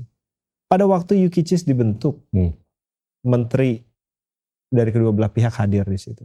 Karena isunya bilateral di situ. Jadi God knows di masa depan kita bisa emulasi hal-hal yang lebih besar lagi bahkan di skala global. Seperti itu. Ya, jadi makanya ini ini menarik sekali ya ketika kita bertemu diaspora dari berbeda benua dan lain-lain. Baik lagi approach-nya beda-beda. Ya. Jadi saya impress sekali dengan UK, maksudnya Mas Bagus bisa masuk ke even uh, dapat blessing dari UK government. Di US saya nggak bisa masuk ke sana. It's very faculty driven, very bottom up. Faculty makes the choice. Indi, indi- individual faculty makes the choice. Makanya jadi jadi approach-nya yang yang saya pernah ceritakan ini very bottom up gitu. Jadi eh, tadi yang seperti Pak Gita bilang, oh kalau bisa saya bimbing 100 orang, eh, nggak usah saya actually. Banyak sekali faculty-faculty di seluruh top 100 universities, you could reach out to them, right? Anybody in the world actually could reach out to them and bilang, hey, saya mau kerja sama gitu. Eh, jadi ini ini makanya yang tadi saya bilang menarik sekali. Makanya set- ini susah banget ya untuk setiap negara beda, setiap setiap bidang beda Iya. gitu ya. Eh, tapi ya itu itu, itu apa eh, PR berat kita gitu untuk untuk bisa scale untuk jadi banyak spesialis spesialis itu gitu. Eh, lalu saya juga ingin eh, eh, oh ya saya tambahkan tentang scaling ya. Eh, tentu kita bisa gitu walaupun let's say tanpa eh, bantuan dari top down dan lain-lain kita bisa scale tapi scale-nya capek-capekan. Istilahnya yang, yang yang saya bilang saya balik lagi orang yang cukup pragmatik eh, pay attention di detail strateginya ya. Contoh kita ngomong lah kenapa nggak banyak eh, siswa yang bisa masuk STEM PhD di Amerika gitu. Eh, eh, balik lagi expertise saya hanya di computer science, right? Eh, karena untuk bisa masuk situ di luar ambil kelas-kelas pas S1 Hmm. itu harus melakukan riset Ya. dua Nah. tahun 20 jam per minggu untuk bisa masuk ke si- Hmm. untuk Hmm. itu masuk mungkin top 20 top 30 untuk masuk top 10 bang atau top 1 Berkeley itu mungkin udah harus empat tahun riset oke jadi kalau kita pay attention to those details kita butuh eh, apa policy policy seperti misalnya eh, MBKM gitu Ya. karena yang saya lihat 10-20 tahun lalu siswa nggak mungkin ada waktu untuk bisa memikirkan sesuatu di luar kelas right itu itu udah udah sibuknya gila-gilaan urusan kelas jadi pas saya dengar MBKM saya secara dari diaspora spesifik di Amerika saya happy banget right Sekarang saya cuma kuping ini ganti-ganti gitu. pemerintah ya, Iya. ganti pemerintah, ganti menteri. saya nggak tahu nih nasib MPK, maksudnya nasib siswa-siswa di kampus bagaimana gitu. Apakah mereka tetap disupport, diberikan bisa mengambil SKS di luar Apa eh, bidang-bidang mereka atau eh, bisa melakukan riset dan lain-lain. Nah di situlah Pak Gita kita butuh bantuan sedikit apa, eh, help from good hands baik di kampus baik di pemerintah untuk supportive hal-hal se- seperti itu gitu. Kalau enggak ya balik lagi yang seperti eh, saya cerita you know 10 eh, 5 10 tahun lalu sangat berat gitu. Banyak yang eh, fail yang nggak mungkin gitu. At the end eh, time is a limited commodity gitu. Jadi Yeah. walaupun Yes. Teman-teman itu ingin oh ingin bercita-cita you know lanjut luar negeri kalau sis sedangkan at the same time dia harus bisa lulus di di di apa universitas mereka S1 dan lain-lain ya itu itu berat gitu untuk Ya. mereka gitu. Jadi ya we need we need Hmm. all of them I think. Ya. Ya. Sedikit soal grassroots initiative Ya. Pak Gita. Tadi Pak Gita menyampaikan bahwa individuals ya, contribution itu penting. Tapi wadah juga penting. Hmm. Nah kita sesemua diaspora di seluruh dunia ini sebenarnya udah ada wadahnya Pak. Ya. Namanya Ikatan Ilmuwan Indonesia Internasional IMPAT. Kita punya pengurus di masing-masing region di seluruh Hmm. dunia global. Jadi masing-masing memang sangat aktif, ada individual-individual yang aktif, tapi untuk kita berpikir ke skala global, ini harus dikumpulin kan orang-orang yang saat ini membuat maximum individual effort, gimana kita bisa nanti bersatu dan amplify. Jadi saat ini udah ada lebih dari seribu orang diaspora bergabung. Seperti yang kita-kita ini ada Hmm. banyak Pak sebetulnya. Masing-masing punya kontribusi yang nyata di bidangnya masing-masing. Aktif nggak pembicaraannya? Aktif, Diskusi. aktif. Kita punya eh, kita punya ini, kita punya organisasinya Hmm. ilmu ilmuwan diaspora dan kita punya members juga di Indonesia. Jadi Hmm. grassroots initiative collaboration itu sudah terbentuk. Hmm. Di mana dari seribu kita bisa convince another 2000, 3000, 5000 yang ada di luar sana untuk mau bergabung. Siap. Karena nggak semua ilmuwan diaspora itu juga mau ber- mau fokus ke Indonesia kan ya. Ada yang benar-benar fokus ke risetnya masing-masing, Hmm. sudah menetap di luar negeri dan dia continue untuk karir pathnya di luar negeri, nggak mesti berkontribusi ke Indonesia atau bekerja sama dengan Indonesia. Ada juga yang demikian. Nah kita perlu nih terus gitu ya mengajak teman-teman supaya momentum itu bisa ada, bisa terjalin. Kenapa saya bilang demikian? Karena kadang-kadang eh, melihat satu problem nasional Yep. dari kacamata global itu sangat powerful. Seperti saya melihat misalnya saat ini kita punya masalah tentang prevalensi prediabetes yang luar biasa tinggi. Ini Indonesia tidak sadar kalau ini mungkin akan menjadi Time time, bomb. bomb. yang luar Time biasa. Dan effort ke situ Makanya jangan dilakukan makan nasi betul, betul. sama dessert. Betul, itu effortnya seperti itu. Masing-masing kementerian punya program yang sangat bagus, tapi tidak lintas kementerian, tidak multidisipliner. Hmm. Kita belum mengaitkan misalnya kenyang itu tidak harus nasi, Hmm. yang programnya ada mungkin di Kementerian Pertanian, misalnya di Bapanas, dengan Kementerian Kesehatan punya program. Nah, kadang-kadang kita dari luar ini bisa melihat ini harusnya nyambung Iya, gitu. Iya, Dan betul. di dalam kadang-kadang karena terlalu fokus dengan eh, apa namanya sekat-sekat Iya. birokrasi itu sulit gitu. Nah kita kalau di luar bekerja sama terkadang itu memungkinkan sekat Iya. itu lebih luas, lebih mengalir sehingga kerjasama interdisipliner itu bisa terjadi. Betul. Itu salah satu effort yang saya lagi coba sebagai ilmuwan dari luar negeri mengajak kementerian-kementerian terkait duduk bareng. Saya mau tarik Ngobrol lebih jauh nih. Anda ngerasa bahwa ini kayaknya oke banget kan percakapannya kan. Tapi kalau yang di sini nih ngajak yang di sini, yang di Indonesia, gimana tuh percakapannya? Ini kan di kalangan diaspora aja kan. Iya. Tapi dengan ilmuwan yang ada di Indonesia pernah nggak dilakukan percakapan? Iya sangat intensif justru. Sangat, Mereka kerinduannya akan bagaimana kita bisa berkoneksi ya. Kadang-kadang kan suka ada gap untuk misalnya mereka pengen mengontak ilmuwan yang punya expertise sesuatu nggak tahu gitu. Tapi Siap. kita punya database. Oke. Jadi tinggal kontak satu pintu database ilmuwan Indonesia. Ada keterbukaan. ada keterbukaan. Oke, Justru itu adalah Bagus.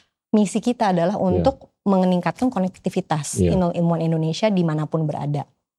Nah itu yang akhirnya dimanfaatkan juga saat ini sudah banyak kementerian-kementerian stakeholders terkait menyadari ada wadah ini, mengakses kita, mengajak kerjasama dan kontribusi apa eh, responnya sangat positif.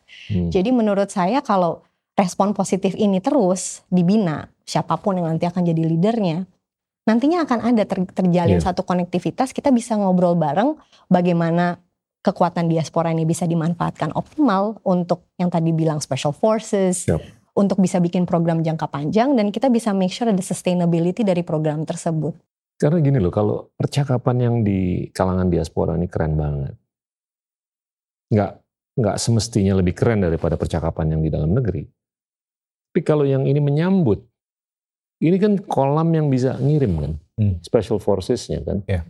Nah ini, kalau menurut saya ini keren banget nih. Kalau ini bisa diamalgamasikan atau bisa disinergikan Iya. antara dua kelompok ini kan, yang selama ada keterbukaan. Seringkali dua kelompok tuh nggak mau bicara karena tidak ada keterbukaan di salah satu atau di dua-duanya. Nah itu yang saya mau coba ukur.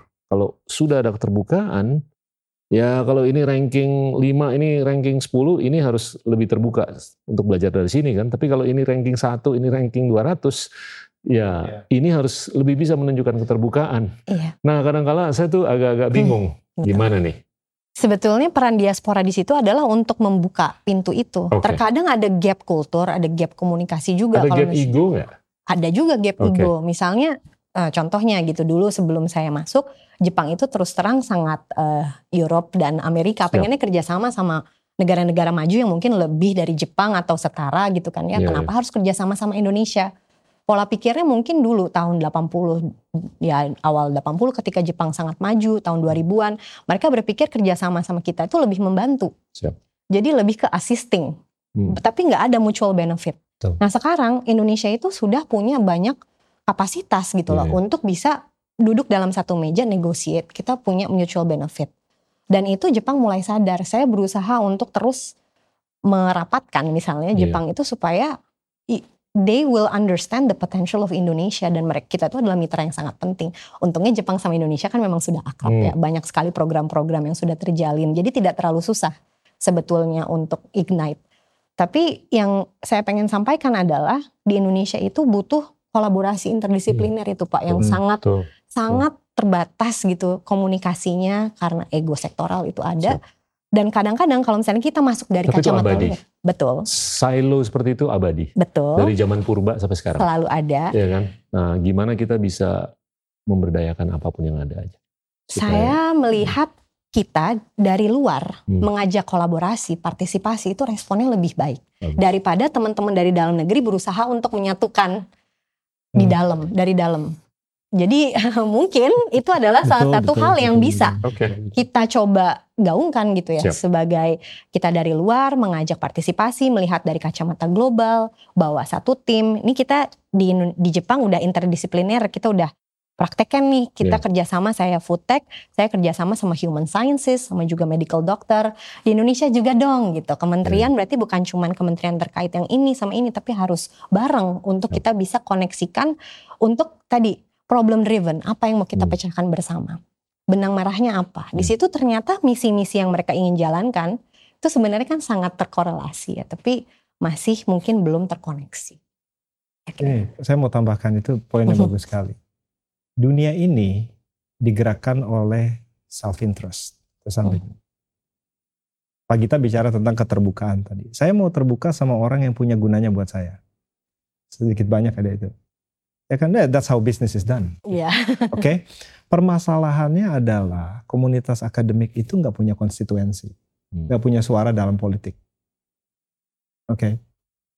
Berapa banyak ilmuwan Indonesia Mbak Gita bisa bawa, Mbak sorry Mbak Sasti bisa bawa ke Senayan? Iya, itu. Poinnya ke situ, ya kan? Saya keterbukaan betul antar komunitas itu sangat diperlukan. Saya mau melihat ada peran bagi Akademi Ilmu Pengetahuan Indonesia untuk bicara duduk bersama dengan Presiden. Mengatasi masalah-masalah praktis yang merupakan realm dari masalah sains seperti polusi, seperti segala macam. Em, kalau tidak, kebijakan kita akan reaktif dan latah. Seperti itu. Indonesia ini punya comparative advantage yang sangat besar. Indonesia adalah negara kepulauan. Dari segi planologi, kewilayahan, kita mengambil kiblat continental approach. Gitu ya. Laut itu dilihat sebagai pemisah bukan penghubung. Seperti itu kan. Hmm. Kebijakan tadi dibilang makan nasi segala macam swasembada pangan. Itu masih belum menghormati Indonesia sebagai negara bahari gitu ya. Di Sumbawa 20 tahun terakhir itu 20 ribu kali luas lapangan bola ekuivalen hutan habis karena ditanamin jagung. Situ. Itu adalah isu saintifik di situ. Sungainya kecil, pendek, banjir segala macam. Uh, imigran yang bikin jagung di situ akan mulai mempengaruhi sosiologi yang membentuk madu sumbawa dan peternakan sumbawa itu tadinya sangat bergantung padanya. Hal-hal seperti itu kita harus punya narasi sendiri. Science according to Indonesia. Saya bidang saya ilmu bumi bagi kita. Ilmu bumi itu berhutang banyak pada Kesultanan Jogja, pada Jawa Tengah pada waktu itu. Jadi ketika para ilmuwan kolonial datang ke Indonesia, tangannya dituntun oleh ritualis, okultis, bahkan Kesultanan Jogja untuk mengambil tempat mengambil data di tempat-tempat yang ada ritualnya di situ. Ketika konsepsi deterministic science seperti ilmu bumi itu mulai berlandaskan seismologi segala macam, orang-orang Jawa itu menganggap volcano, gunung berapi itu entitas yang hidup tuh, di mana uh, kegiatan uh, tektoniknya adalah detak nafas. Gitu. Nyai Roro Kidul itu bukannya hidup di dalam laut, dia adalah laut itu sendiri, gitu ya. Ada poros relationship antara Kesultanan Jogja dengan geological process. Yang ini adalah cikal bakal ilmu bumi yang saya nikmati di Imperial College di London, hmm. di Royal School of Mines. Hmm. Tapi dunia nggak tahu itu, karena kita nggak kita latah berkebijakan, kita kita nggak tahu bahwa konsepsi ilmu bumi itu berhutang banyak dari Indonesia. Orang bicara tentang medisin kanker baru, itu harus tahu dari mana dia dapat alge-alge yang hmm. hidup di sekitaran coral reef. Kemarin kita bicara ada berita tentang uh, pulau yang mau dijual di New York, di Sotheby. Situ kan. Tapi isu yang ramai di masyarakat adalah nasionalisme, bukan isu bahwa coral reef itu harus diperhatikan. Ya. Australia dan Indonesia itu dua negara yang coral reefnya sangat-sangat yeah. intact dan bagus. The new medicine comes from there. Hmm. All research about bioprospecting, hmm. new medicine come from Indonesia. Hmm. Isu tentang social studies misalnya. Indonesia adalah tempat di mana ada 700 bahasa. Di NTT, NTB, NTT itu adalah tempat di mana Austronesic language itu bertemu di situ sangat sulit untuk membawa uh, multi language dalam satu stable political umbrella. Ya.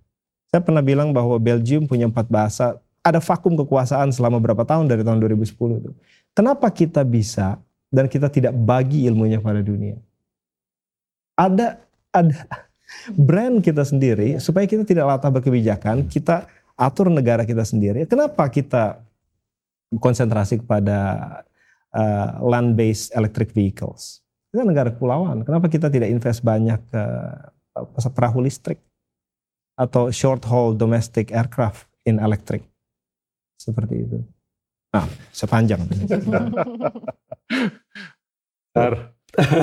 Seru nih ya. Saya tambahin ya, lagi balik, ya. ya. Apa saya again, saya come dari bottom up-nya ya, the devil yeah. in, in the detail ya. Yeah. Karena kan konsepnya uh, bagus. Memang kalau bisa ilmuwan yang di luar, yang di dalam negeri. Sebenarnya keinginan dari individu itu ada. Yeah. Tapi balik lagi, ini saya kasih contoh beberapa saya yakin uh, Mas Asti ya, uh, Mas Agus ada, Mas Bagus banyak cerita-cerita juga. Tapi saya kasih contoh ya. Di computer science ya, kita mau research kolaborasi nih. Lalu saya baru visit satu universitas di Indonesia bilang, apa uh, profile tadi actually kita ada funding nih dari dari rektorat nih ya uh, untuk bisa kolaborasi bareng. Dan sekarang kita udah udah ada hubungannya uh, bukan sama saya bahkan ada profesor Amerika Serikat di tempat lain. Tapi publishnya harus di jurnal dan mungkin dalam satu tahun harus harus ada. That's not how we work right? Jadi contoh misalnya computer science di Amerika. Kita somehow lebih ke conference dibanding ke jurnal uh, karena conference pre, uh, prestige-nya lebih besar somehow historically, right? Jadi langsung ya uang itu nggak bisa nggak bisa kepake, uang itu nggak bisa kepake nggak bisa support you know uh, researcher berarti kalau nggak ada uang nggak ada waktu gitu. Jadi as simple as that gitu. Jadi yang saya lihat tuh banyak hal-hal semacam gitu jaringannya ada individu-individunya uh, sangat bersemangat tapi balik lagi mentok-mentoknya uh, yang tadi saya bilang gitu, policy yang di, disejajarkan ke semua bidang gitu. Yeah. Jadi nggak uh, ada fleksibilitas, tidak ada hal lain gitu. uh, saya nggak tahu sekarang tapi ini cerita 8 tahun lalu misalnya kayak sama gitu dana-dana funding di computer science kalau kita di US kita lebih banyak berpakai untuk uh, membayarkan uh, researchernya gitu. Yeah. Kita kita tidak perlu beli alat-alat mahal, hmm. tidak seperti di fisika. Saya pernah bicara, eh, saya nggak tahu sekarang ya maaf ya, tapi contoh inilah 8 tahun lalu saya tanya, ada ada dana nggak sih dari riset pemerintah ada, tapi kenapa anda nggak tulis proposal? Dia bilang males, karena dipaksa 50% harus beli barang gitu, sedangkan kita perlu lebih banyak dana untuk orang-orang uh, uh, gitu. Yeah. Jadi kebentur yeah Iya. Policy, policy, ya, detail-detail gitu. Nah, kalau kita ngobrol iya, ini nggak akan selesai, nih, sampai, sampai iya. ayamnya stop berkukuk besok iya. juga nggak akan ini.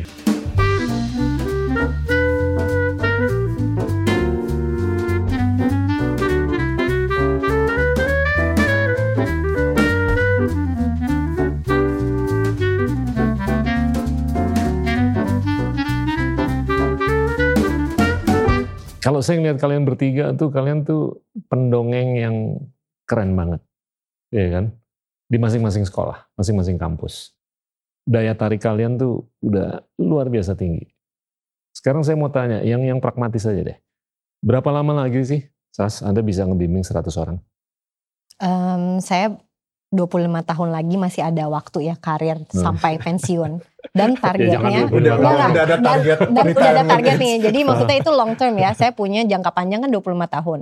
Saat ini sudah meluluskan 8 hmm. berarti target saya mungkin sekitar 10 tahunan. 100 bisa. Bisa. Secara kumulatif atau in one go?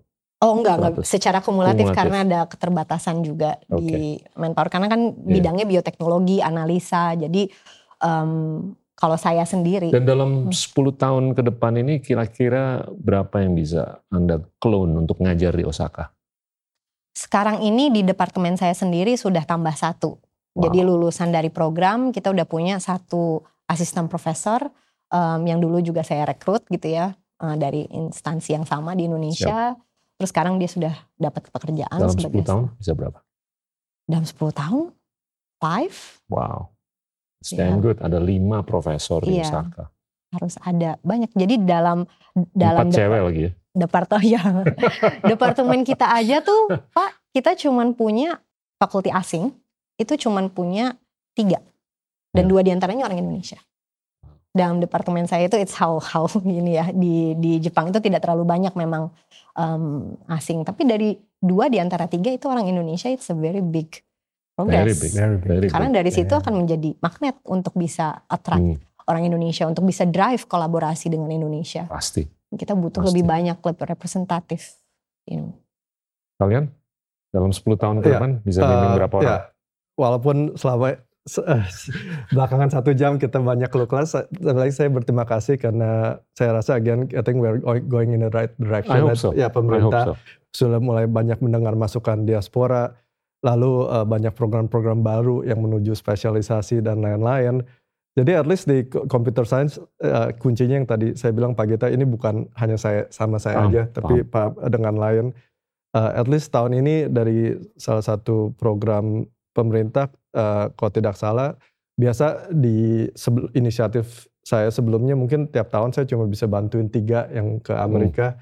Uh, sekarang tahun ini uh, uh, tahun depan Desember ini ada 25. Masya. Jadi lumayan lah. Uh, S3 dari, semua? Uh, ya langsung ke PhD, oh. combo S2, S3. University of Chicago? Enggak, enggak, enggak. Enggak mungkin, enggak mungkin. Kita enggak mungkin bisa absorb okay. segitu okay. banyak. Tapi intinya peluang-peluang uh, banyak kok. Kita bicara top 50 uh, US schools ya. Uh, tapi belum lagi proses. Ya kita semoga sem semua berhasil gitu ya. Tapi ya, ya semoga dari situ ya harapannya ya dalam 10 tahun berapa? ya agak-agak ngimpi dikit lah. Uh, Bagus lagi mikir nih angkanya berapa. Ya, saya modeling. Kita kita nggak usah tadi kan yang kita bicara kalau di area uh, di STEM lah kan 6 6 6 ribu, I think kalau dari 80 kita bisa masuk ke 800 per tahun. Seribu lah, ceceng lah. Boleh buletin iya ke atas. Kan? Iya. iya. Korea ya, 1300, ya, Turki ya, 450, ya, masa kita nggak bisa 1000. Ya, tapi balik lagi sama seperti narasi yang tadi Mas Asti ya, Mas Bagus bilang, bahwa jangan sampai narasinya kita ulang lagi. Betul. Pemerintah baru kita harus ulang Betul. lagi, riset lagi dari nol Makanya lagi. Iya. kita harus sadar ini kita gimana untuk bisa mendemokratisasikan proses Ya. ini, Mhm. with or without. Iya. Iya kan? Syukur-syukur with. Ya kalau nggak kalau without ya kita tetap bisa jalan. Ada sustenance gitu loh dalam proses ini. Ya. Jadi berapa har dalam 10 tahun? Ya Eh, 100 bisa. Bisa ngegolin Un- 5 Untuk di SIA saja. Iya dong. Ya, Ya masa ngomong biologi. 100 per- sampai 200 per tahun lah saya rasa untuk in the Disney whole ya. of the United States eh, atau di di top 50 universities di Amerika. top 50 I would say per tahunnya ya. I think 200 eh, saya nggak 200 300 udah bisa sampai segitu menurut saya udah udah udah Yang mana dalam 6 7 tahun jadi tuh S3-nya. Iya. Iya kan? Iya. Jadi 100 200 mulai per tahun untuk program S3. hopefully Hmm. Ambisius tapi at least keren. untuk untuk ya Ntar malam dia mau mabok. Amin, amin, amin. saya, saya salah Ada di salah, TV ini nanti. salah hitung nih. nanti suruh edit suruh edit. I'll hold you to it. Ya, ini saya kalau ditanya soal angka mesti mikir dulu karena judulnya matematikawan terapan. saya tadi pernah, pernah bilang dulu, saya kalau ditanya prediksi angka di masa depan tuh saya paling ekstrapolasi metodenya gitu kan. Uh, kita bikin Indonesia Doctoral Training Partnership di situ untuk menampung mahasiswa Indonesia yang hadir di Nottingham. Uh, ada 12 PhD student dari Indonesia sekarang di situ, bisa dilihat websitenya kerjaannya ngapain aja. Sebagian di antaranya saya supervisi. Saya bagikan sedikit gimana caranya supervisi itu berlangsung di UK ya. Semua student itu harus disupervisi oleh minimal dua supervisor. Kenapa? Karena mobilitas akademik di UK itu sangat tinggi. Saya bisa aja tahun depan pindah ke Chi- Chicago gitu atau ke Imperial atau segala macam. Kalau diterima tentu sama saya kan. Apa yang terjadi kalau misalnya saya lagi ngaj- eh, supervisor dia tahun kedua, ketiga terus saya pindah gitu. gitu kan itu resiko. Ya. Jadi ada resiko tuh di situ. tuh. Jadi kita kalau melihat seperti Pak Gita sudah sampai di Nottingham sendiri, infrastrukturnya sudah kita buat sehingga Indonesia menjadi central policy bagi Nottingham sekarang. Sehingga staff yang bisa menjadi co-supervisor itu sudah mulai melihat Indonesia sebagai potensi good students to come. 100 itu hanya sebatas seberapa cepat pesawatnya bisa sampai itu. Sebenarnya gitu loh. Karena infrastrukturnya sudah dibuat. Yang mahal itu infrastrukturnya alat-alatnya sudah dibuat tergantung fokusnya mau di bidang apa. Jadi kalau ditanya kapan as soon as the plane can come to the UK 100 will be possible. Karena infrastrukturnya sudah dibuat. Tapi kalau saya boleh tutup secara sedikit lebih diplomatis gitu. Yang saya impikan itu ada 100 orang Inggris belajar di UGM Betul. atau di Betul. ITB atau di Betul. Unhas. Itu, Itu. infleksi tuh. Heeh, kita Oh. harus mengarah ke situ. Iya. Oke, dalam 10 tahun bisa berapa tuh? Bagus di Nottingham. Kalau kita lihat perkembangannya itu linear, maka bisa seribu. Keren. Tapi saya belum tentu yakin bahwa seribu orang di Nottingham itu hal yang betul-betul bagus buat bangsa. Karena Nottingham punya keterbatasan expertise. Oke, Oke. Eh, Nottingham nggak mungkin sebagus eh, Chicago dalam mungkin bidangnya Mas. Don't be modest. Iya deh lebih bagus. no, no, but it's true. Every every Iya. university Iya, has iya. benefits. Ada strong point. Iya, ya, oke lah. Oke. Tapi shoot for the stars lah. Ya kan, ntar ya kita ukur aja kesiapannya gimana. Saya tuh pernah cerita ke dua dari tiga kalian, di mana saya tuh ketemu sama pimpinan salah satu universitas di Singapura. Itu dengan bangganya cerita dia baru dapat pemenang Nobel. Biaya berapapun dia fasilitasi, terus saya tanya, lu targetnya berapa? Ya, gue targetnya 20 sampai 25 menang Nobel. Dibeli dari seluruh dunia. Terus penjelasannya dia ya kalau kita nggak begini ya secara organik nggak akan bisa punya 100 pemenang Nobel di kampus kita.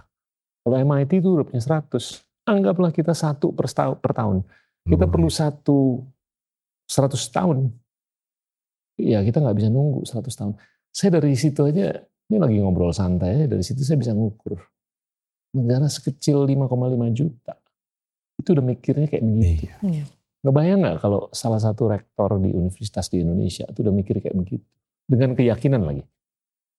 Do you envision that? Kita benar-benar perlu bergerak ya karena sekarang ini kan sudah ada ya sistem PTMBH gitu Hmm. jadi nggak terlalu tergantung sama APBN udah Ya. banyak bisa em, kampus-kampus di Indonesia secara mandiri menentukan polisinya hiring staff mereka sendiri cari sumber dana sendiri itu sudah ada sistemnya dimungkinkan dulu kan nggak bisa pak semuanya sangat-sangat tergantung sama central government dan swasta Ah, apakah mungkin gitu ada kita beralih ke edukasi itu memang investasi bisnis di manage secara bisnis like um, perspektif gitu Hmm. dan kayaknya di, di di Singapura di Australia itu memang universitas dinilai sebagai money making Ya. entity Ya. bukan untuk mencerdaskan rakyatnya aja gitu bukan Hmm. cuman untuk edukasi tapi itu dinilai sebagai instansi yang bisa money making profit oriented juga gitu Nah kalau seperti itu, kalau we're start, we're going to start thinking like a businessman, berarti kan kita harus hire the best experts. Yeah. Nah apakah di Indonesia peraturannya memungkinkan untuk Hmm. bahkan meng-hire dosen asing? Bapak mungkin ingat ada rektor asing aja itu sangat ditentang, Yeah. dosen asing juga di Indonesia Itu saya ditentang. ngerti itu. Jadi apakah eh, ekosistemnya memungkinkan untuk kita berpikir seprogresif Yeah. itu? Itu aja belum mungkin Yeah. karena banyak tadi keterbatasan eh, hiring segala macam masih diatur eh, di apa namanya aturan-aturan yang sangat ketat gitu Hmm. ya. Jadi bahkan kita aja diaspora untuk di hire balik ke Indonesia kadang kita harus mulai dari bawah pak. Nggak ada sistem kesetaraan, sistem itu ada tapi begitu pas pada prakteknya banyak sekali teman-teman yang bilang kalau itu it doesn't work gitu. Cuman sampai ke level regulasi tapi belum bisa ke implementasi. Nah, kalau misalnya kita mau berpikir seprogresif itu, pertama kita harus melihat apakah kita mau fokus Indonesia menjadi menjadikan universitas itu dikelola secara profesional business like. Hmm. Di mana investasi yang besar-besaran itu dimungkinkan karena nanti dipikir itu akan return Hmm. atau kita ingin mengelola universitas memang unggul atau universitas yang bagus untuk mencerdaskan bangsa. Directionnya mau ke mana? Kayaknya kita harus pilih pak. Karena nggak bisa dua-duanya. Kalau misalnya semua universitas-universitas di Amerika yang Ya. luar biasa itu semuanya kan dikelola secara bisnis. Ya. Betul. Jadi memang mereka incubate the university untuk unggul, hire the best experts, bangun fasilitas, akomodasi untuk um, lecturersnya dari seluruh dunia bisa datang, mereka nyaman, mereka mau Ya. datang. Sama Singapura mereplikasi Ya. seperti itu. Dia bisa hire orang dari seluruh dunia, sistemnya memungkinkan. Ya. Nah, kalau Indonesia mau berpikir seperti itu, harus di- dilepas dari belenggu keterbatasan yang ada sekarang. Mungkin rektor-rektor di Indonesia punya pemikiran seprogresif itu. Tapi apakah itu visible? Sangat tidak visible Hmm. saat ini. Kita terbelenggu dengan segitu Hmm. banyak peraturan dan limitasi Iya. dan penolakan juga. Iya. Begitu asing masuk itu sangat ditentang. Jadi gimana kita mau menjadi pool of global talents Ya. kalau kita berpikir global talents itu tidak boleh masuk ke Indonesia. Iya. Itu kayaknya yang harus kita diskusikan sebelum kita beralih. You're, you're singing to the choir. Betul. Tapi ada perkecualian juga di dunia, namanya India. IIT itu, I don't think it's been Yes. run Oh, ya. on a apa ya, on a on the basis of profit seeking Ya. motif. Tapi mereka sudah bisa membuahkan banyak sekali produk-produk pendidikan. Bahkan ada joke lah di kalangan teman-teman orang India saya tuh, yang mana yang ke Amerika, ke Inggris, ke Imperial, ke Princeton dan segalanya itu KW 2-nya. Bukan KW satunya. Pantesan. Iya kan? Tapi ya yang ke sekolah-sekolah yang keren banget lah di Amerika, di Eropa, di mana pun itu KW2, KW1-nya tetap di Indonesia, di India. Dan tapi mereka terus-menerus bisa menunjukkan keterbukaan. Siapa aja yang paling keren ngerti mengenai bidang ini, pokoknya lo gondang untuk ngajar. Nah itu kalau menurut saya penting sekali untuk Iya. kita bisa mendemokratisasikan. Ya kan, konsep belajar. Mhm. Nah itu yang saya kadang-kadang agak-agak gimana gitu loh di sini. Mhm. Memang, saya- memang, ya memang perubahan itu tidak nyaman ya. Eh, Iya. apa, eh, I think related to this apa eh, universitas yang terbuka global. Waktu itu saya juga memang sempat interview juga di N- NU sama NTU gitu. Lalu salah satu dosen eh, NTU Singapura cerita dulu eh, di NTU mungkin tujuh ya either 60 atau 70 rektornya bilang it's time everybody semua dosen bisa ngomong harus bisa ngomong Inggris gitu. Ya terjadi kemarahan gitu. Banyak yang nggak mau ngomong Inggris gitu. Tapi uh, at the end that's their policy Betul. gitu dan at, at the end kita bisa lihat NTU sekarang bagaimana Sukses. ya jadi memang mungkin memang harus ada masa ketidaknyamanan demi uh, ke keindahan di masa depan istilahnya Iya. gitu Tapi harus ada keterbukaan yes yes dari pemimpin ataupun kepemimpinan Ya. dalam dimensi apa pun. Ya. Gimana, Gus? Saya, saya pernah kerja di Prancis. Dan Hmm. Prancis itu nggak money oriented. Ya.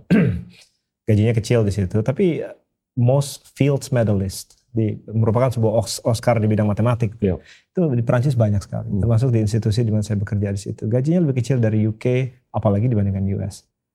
Um, US has a lot of money. Ya, you- saya uh, adjunct di Virginia Tech sebenarnya. Di Virginia Tech itu gaji terbesar pegawainya itu 3 juta dolar. Itu tapi bukan akademik, itu uh, pelatih football, Football team. They have a great football team. Money everywhere, Yeah. right? They have the Hokies. ekonomi universitas Ah, ah. Jadi di Jerman juga sebenarnya nggak money oriented. Kita harus melihat pendidikan itu itu hak ber- keberkewarganegaraan atau tidak. Itu poinnya di situ. Atau itu adalah komoditas seperti komoditas yang lain dan maka Hmm. itu perlu diregulasi oleh pasar. Maka di US itu poinnya adalah oh itu komoditas di pasar. Tapi orang yang minta loan itu dilindungi. Uh, uang sekolahnya pun karena langsung punya direct accountability dengan pasar ya naik tinggi. Ya kan uangnya banyak beredar di situ. Orang masuk ke universitas di US itu melihatnya sebagai investasi. Hmm. Balik modal nggak nih? Di UK pun to some degree kayak begitu. Makanya di depan universitas di Nottingham ditulis gaji rata-rata lulusan Nottingham itu segini. Berani nggak kita pasang di situ tuh? Hmm. Bahkan kalau dilihat dari segi pasar, kalau misalnya saya ngambil pinjaman ke bank begitu besarnya, saya investasi bukan hanya duit tapi waktu saya lima tahun. Saya keluar nggak bisa dapat kerja selama lima tahun. Bisa nggak saya nuntut pemberi jasanya? Universitasnya. Kan mikir tuh kan. Itu konsekuensi kalau pendidikan adalah komoditas ekonomi. Seperti itu. Di eh, Perancis, Jerman nggak begitu. Itu adalah hak segala bangsa. Jadi segala eh, warga di bangsa, bangsa tersebut. Jadi dia gaji segala macam itu diatur oleh pemerintah. Uang sekolah di cap. Di Inggris itu hybrid modelnya. Jadi di cap. Indonesia mau yang mana? Nah, bicara tentang Hmm. keterbukaan. Keterbukaan itu butuh otoritas. Seorang pemimpin universitas harus punya otoritas dulu baru dia bisa terbuka. Gitu kan? Gimana dia bisa terbuka kalau otoritas belum 100% di tangan dia? Di UK tadi saya bilang, jadi rektor itu prerogatif universitas. Di Indonesia jadi rektor itu 30% suara menteri. Di situ. Yang harus terbuka bukan hanya rektornya, menterinya juga harus terbuka. Gitu loh. Kalau ada sinergi antara mereka baru kita bisa berjalan sama-sama. Jadi kita harus bukan hanya memikirkan solusi bagi pendidikan, kita bahkan belum sampai ke tahap diagnosa. Kita bahkan belum tahu sakitnya apa. Gitu, kalaupun ada sakitnya. Eh, maka itu perlu universitas-universitas di gini Pak ya. Ini orang melihat kita diaspora. Diaspora itu kadang-kadang dilihat sebagai satu unit. Padahal Harp, Sasti saya itu jalan hidupnya sangat berbeda. Konteks di universitas masing-masing sangat berbeda. Gitu ya. Kita bersama-sama itu mau mencoba agar Indonesia itu bukan menjadi komoditas. Tadi Sasti bilang masuk uang sekolahnya tuh mahal ke US apalagi ke UK. Saya Hmm. nggak tahu UK itu mahal sekali untuk jadi bagi universitas di UK banyak tadi bilang seribu masuk ke UK, well, welcome. So long as you can Pay. pass the eh, pay and Hmm. pass the the quality assurance. Jadi nggak ada pertanyaan bagi mereka mau atau tidak dari segi finansial. Iya. Gitu. Permasalahannya apakah bisnisnya itu menguntungkan dua pihak Iya. atau tidak. Dan peran diaspora di sini adalah untuk menjamin setidaknya mencoba menjamin agar any deal with Chicago, uh, Osaka, Nottingham itu punya Indonesian interest. Heart. Ya, seperti itu. Ini ini udah hampir satu setengah jam nih, tapi enak banget dengerin cerita kalian. Kalian tuh adalah pendongeng yang kalau menurut saya kalau bisa diviralkan ke jutaan, ya kan? Mudah-mudahan lah. Dan saya berdoa dan saya berharap. Kalau saya ngelihat Indonesia tuh ke depan tuh kita harus benar-benar bisa membuahkan banyak sih, tapi dua hal yang menurut saya itu penting adalah kapasitas berdongeng. Ya Betul. kan? Storytelling Hmm. penting sekali dan storytelling dengan cara yang sangat bisa dipertanggungjawabkan. You back up your bullshit intinya, ya kan? Yes. Nah, yang kedua, ini gimana kita bisa lebih bisa bersaing. Persaingan tuh metriknya banyak, tapi kalau yang paling simpel untuk mengukur persaingan atau daya saing itu adalah produktivitas. Dan produktivitas tuh nyambung banget dengan STEM. Ya. Kalau kita scientifically kita nggak keren, ya kita nggak bisa tuh menjahit baju seperti apa yang dilakukan di Tiongkok dan di negara-negara lain seproduktif seperti mereka. Nah, my last question adalah kalau kalian tuh mau milih apa aja di STEM itu yang harus digeluti oleh anak-anak Indonesia ke depan, so that we can become a really cool nation. Apa aja sih? Oh, Hah? kalau menurut saya Dia pasti kekuatan jawab computer science. Iya dong. Coba agak sedikit open minded. Iya, iya. Apa Iya. aja? Nah, gimana? tapi ini beneran Supaya ya nyambung ke Iya. pembuahan marginal productivity yang Iya. benar-benar sangat bisa dipertanggungjawabkan. kalau menurut saya yang paling penting itu memang kita bisa mengolah biodiversitas kita karena itu strengthnya Indonesia plain and simple apa sih kekuatan Indonesia dibandingkan negara lain yang negara lain nggak punya Hmm. kita punya mega biodiversity jadi kita harus punya ke- kemampuan untuk mengolah itu jadi Iya. bioteknologi bioprocess engineering itu menurut saya kunci That's it. ya karena kalau misalnya kita nggak bisa mengolah Tapi that's great by the way. That's very important. Iya. Karena tadi Bapak menyampaikan bahwa gimana kita bisa meningkatkan produktivitas. Hmm. Belum sampai produktivitas, bagaimana kita bisa mengolah itu Ya. dulu. Baru dari kita bisa bisa mengolah, kita bisa skill up. Jadi dari situ kita butuh juga chemical engineering, Ya. bioprocess engineering. Tapi knowledge on biodiversity jangan sampai kita Hmm. memanfaatkan hasil alam kita dengan cara yang merusak lingkungan. Kita juga harus mikir planetary health. Siap. Kita juga harus membangun dengan memperhatikan sustainability. Jadi hal-hal seperti itu menurut saya sangat penting untuk ke depannya kita bisa menjadi leading country, memanfaatkan apa yang ada locally untuk kepentingan globally. Menurut saya itu paling penting. Ya, eh, se- nggak ada simple answer ya. Hmm. Ka- Kalau saya kadang melihat major atau itu is a tool, but there might be bigger problem yang seperti tadi Mas Astia bilang biodiversity ya. Eh, tapi saya agree banget setiap negara itu ada kalau bisa ada competitive advantage-nya dan fokus di sana sangat penting gitu. Eh, seperti yang sama di CS Samsung res- research-nya mostly on storage devices uh, uh, dan lain-lain, right? Uh, Taiwan semiconductor dan Hmm. lain-lain gitu ya. Uh, ya tentu, uh, I think apa pun yang saya ngomong sekarang mungkin lima tahun lagi berbeda gitu. Jadi Ya. makanya it's important to just sama anak saya juga uh, ud- udah masuk SMA 1. Saya bilang, Daddy doesn't know the, the career- apa I only know CS gitu. Tapi Hmm. you need to start googling gitu career Ya. path in this area career path saya juga ngelihat Tapi interdisciplinary dari kacamata Anda, kalau Ya. Anda ngelihat Indonesia ke depan, Ya. apa yang kita perlu tekuni untuk kita tuh bisa keren Uh, dalam konteks STEM? ya uh, tentu uh, data science AI I think everybody mau anda di psikologi mau anda di dokter Ya. We need to know AI Ya. right Uh, uh, we need to apa uh, adapt Ya. gimana AI bisa help uh, again uh, it's of uh, apa our occupation atau problem dan lain-lain gitu. Uh, memang ada isu AI bak- bakal replace jobs, but at the same time kita harus lihat bagaimana AI bisa solve bigger challenges. Uh, jadi mungkin kalau ma- maaf, uh, jadi limited saya eh, di di I think AI data science ya. Ketika Ya. kita lihat major data science kan sepertiga kurikulumnya bilang bebas. Anda mau ambil psikologi, mau ambil fisika, Hmm. mau ambil uh, public policy terserah. Dan itu itu the beauty of data science major yang sekarang lagi bertumbuh sekali di US. Hampir setiap uni create a new major gitu. Belum lagi mungkin a new department Ya. gitu. Hmm, Ini pertanyaan yang susah di- banget dijawab. Karena harus tahu dulu tujuan pendidikannya apa sebenarnya. Hmm. Karena kan orang masuk ke instruksi eh, instrumen eh, formal education itu dia berinvestasi selama 4-5 tahun. Ya. Dunia seperti apa yang akan dihadapi ketika dia lulus 4-5 tahun? Siapa yang tahu gitu. Jadi permasalahannya adalah dunia makin bergerak makin volatil tuh. Dulu kira-kira tahun 90-an otomotif industri butuh eh, banyak orang tenaga kerja, dia berinvest ke universitas bikin tek- teknik mesin. Makanya saya masuk teknik mesin tuh. Ibu saya tanya ngapain masuk teknik mesin? Ya biar bisa benerin mesin. Mesin apa? Ya benerin karburator motor. Sekarang motor kemarin saya dari Jawa Barat dibuka jadi uh, electric vehicle tuh. Gimana tuh? Jadi investasi saya habis dong duitnya kan. Nah yang kita hadapi sekarang investasi untuk jangka panjang yang besok pun dunia seperti apa kita nggak tahu.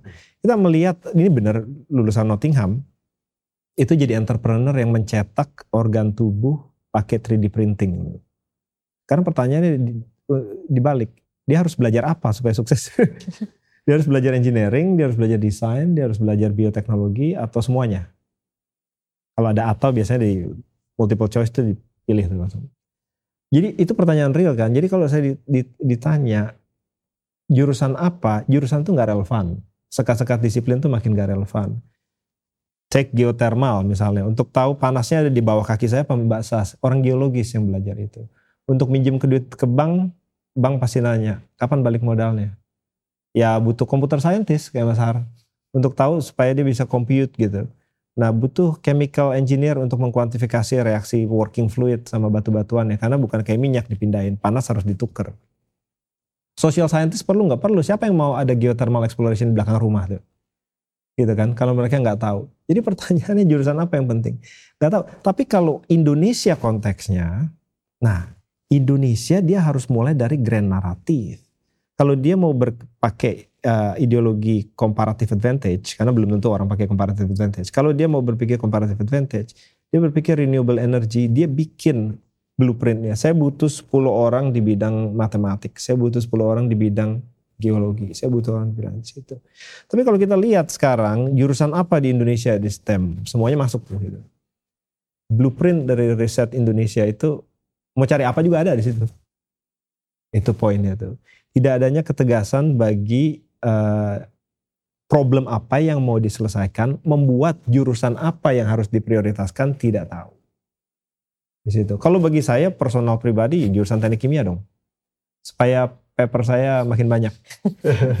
kan begitu kan? Tapi apakah itu yang terbaik buat bangsa belum tentu.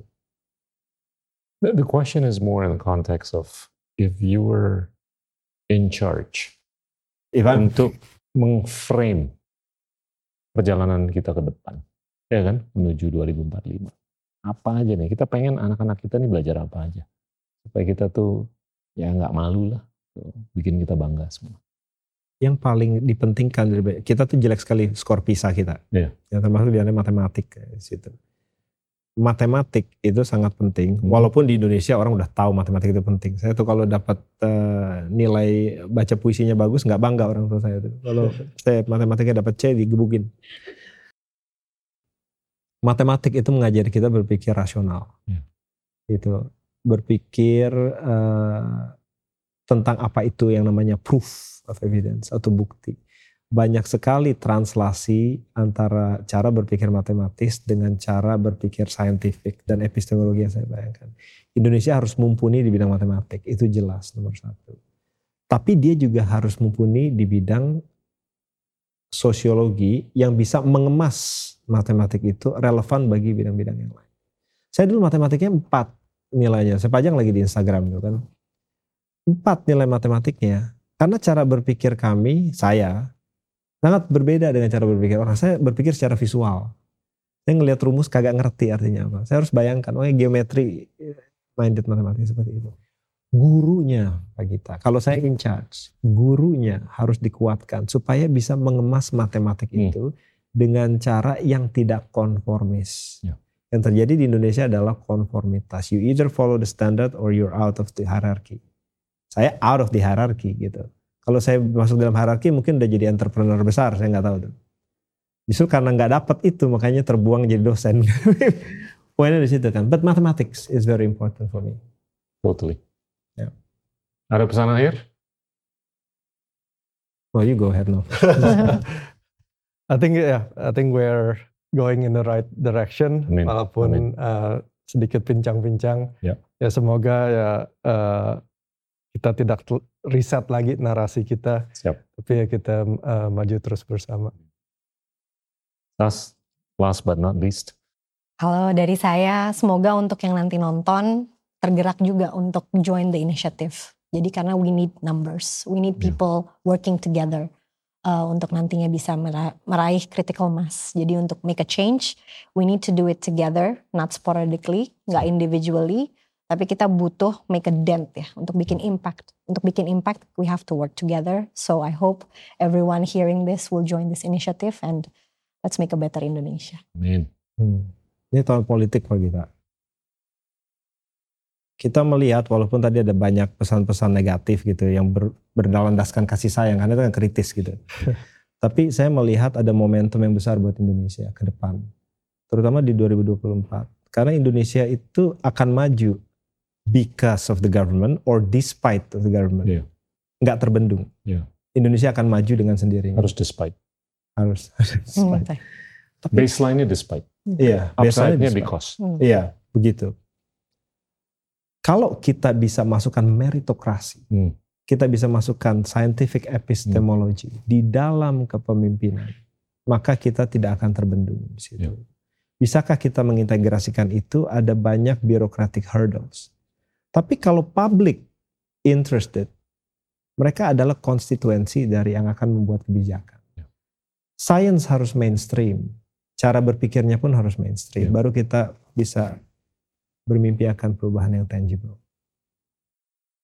Top. Teman-teman, itulah diskusi mengenai epistemologi dan lain-lain dengan para ilmuwan Indonesia yang keren banget, termasuk Sastia, Haryadi, dan Bagus. Terima kasih banyak. Inilah Endgame.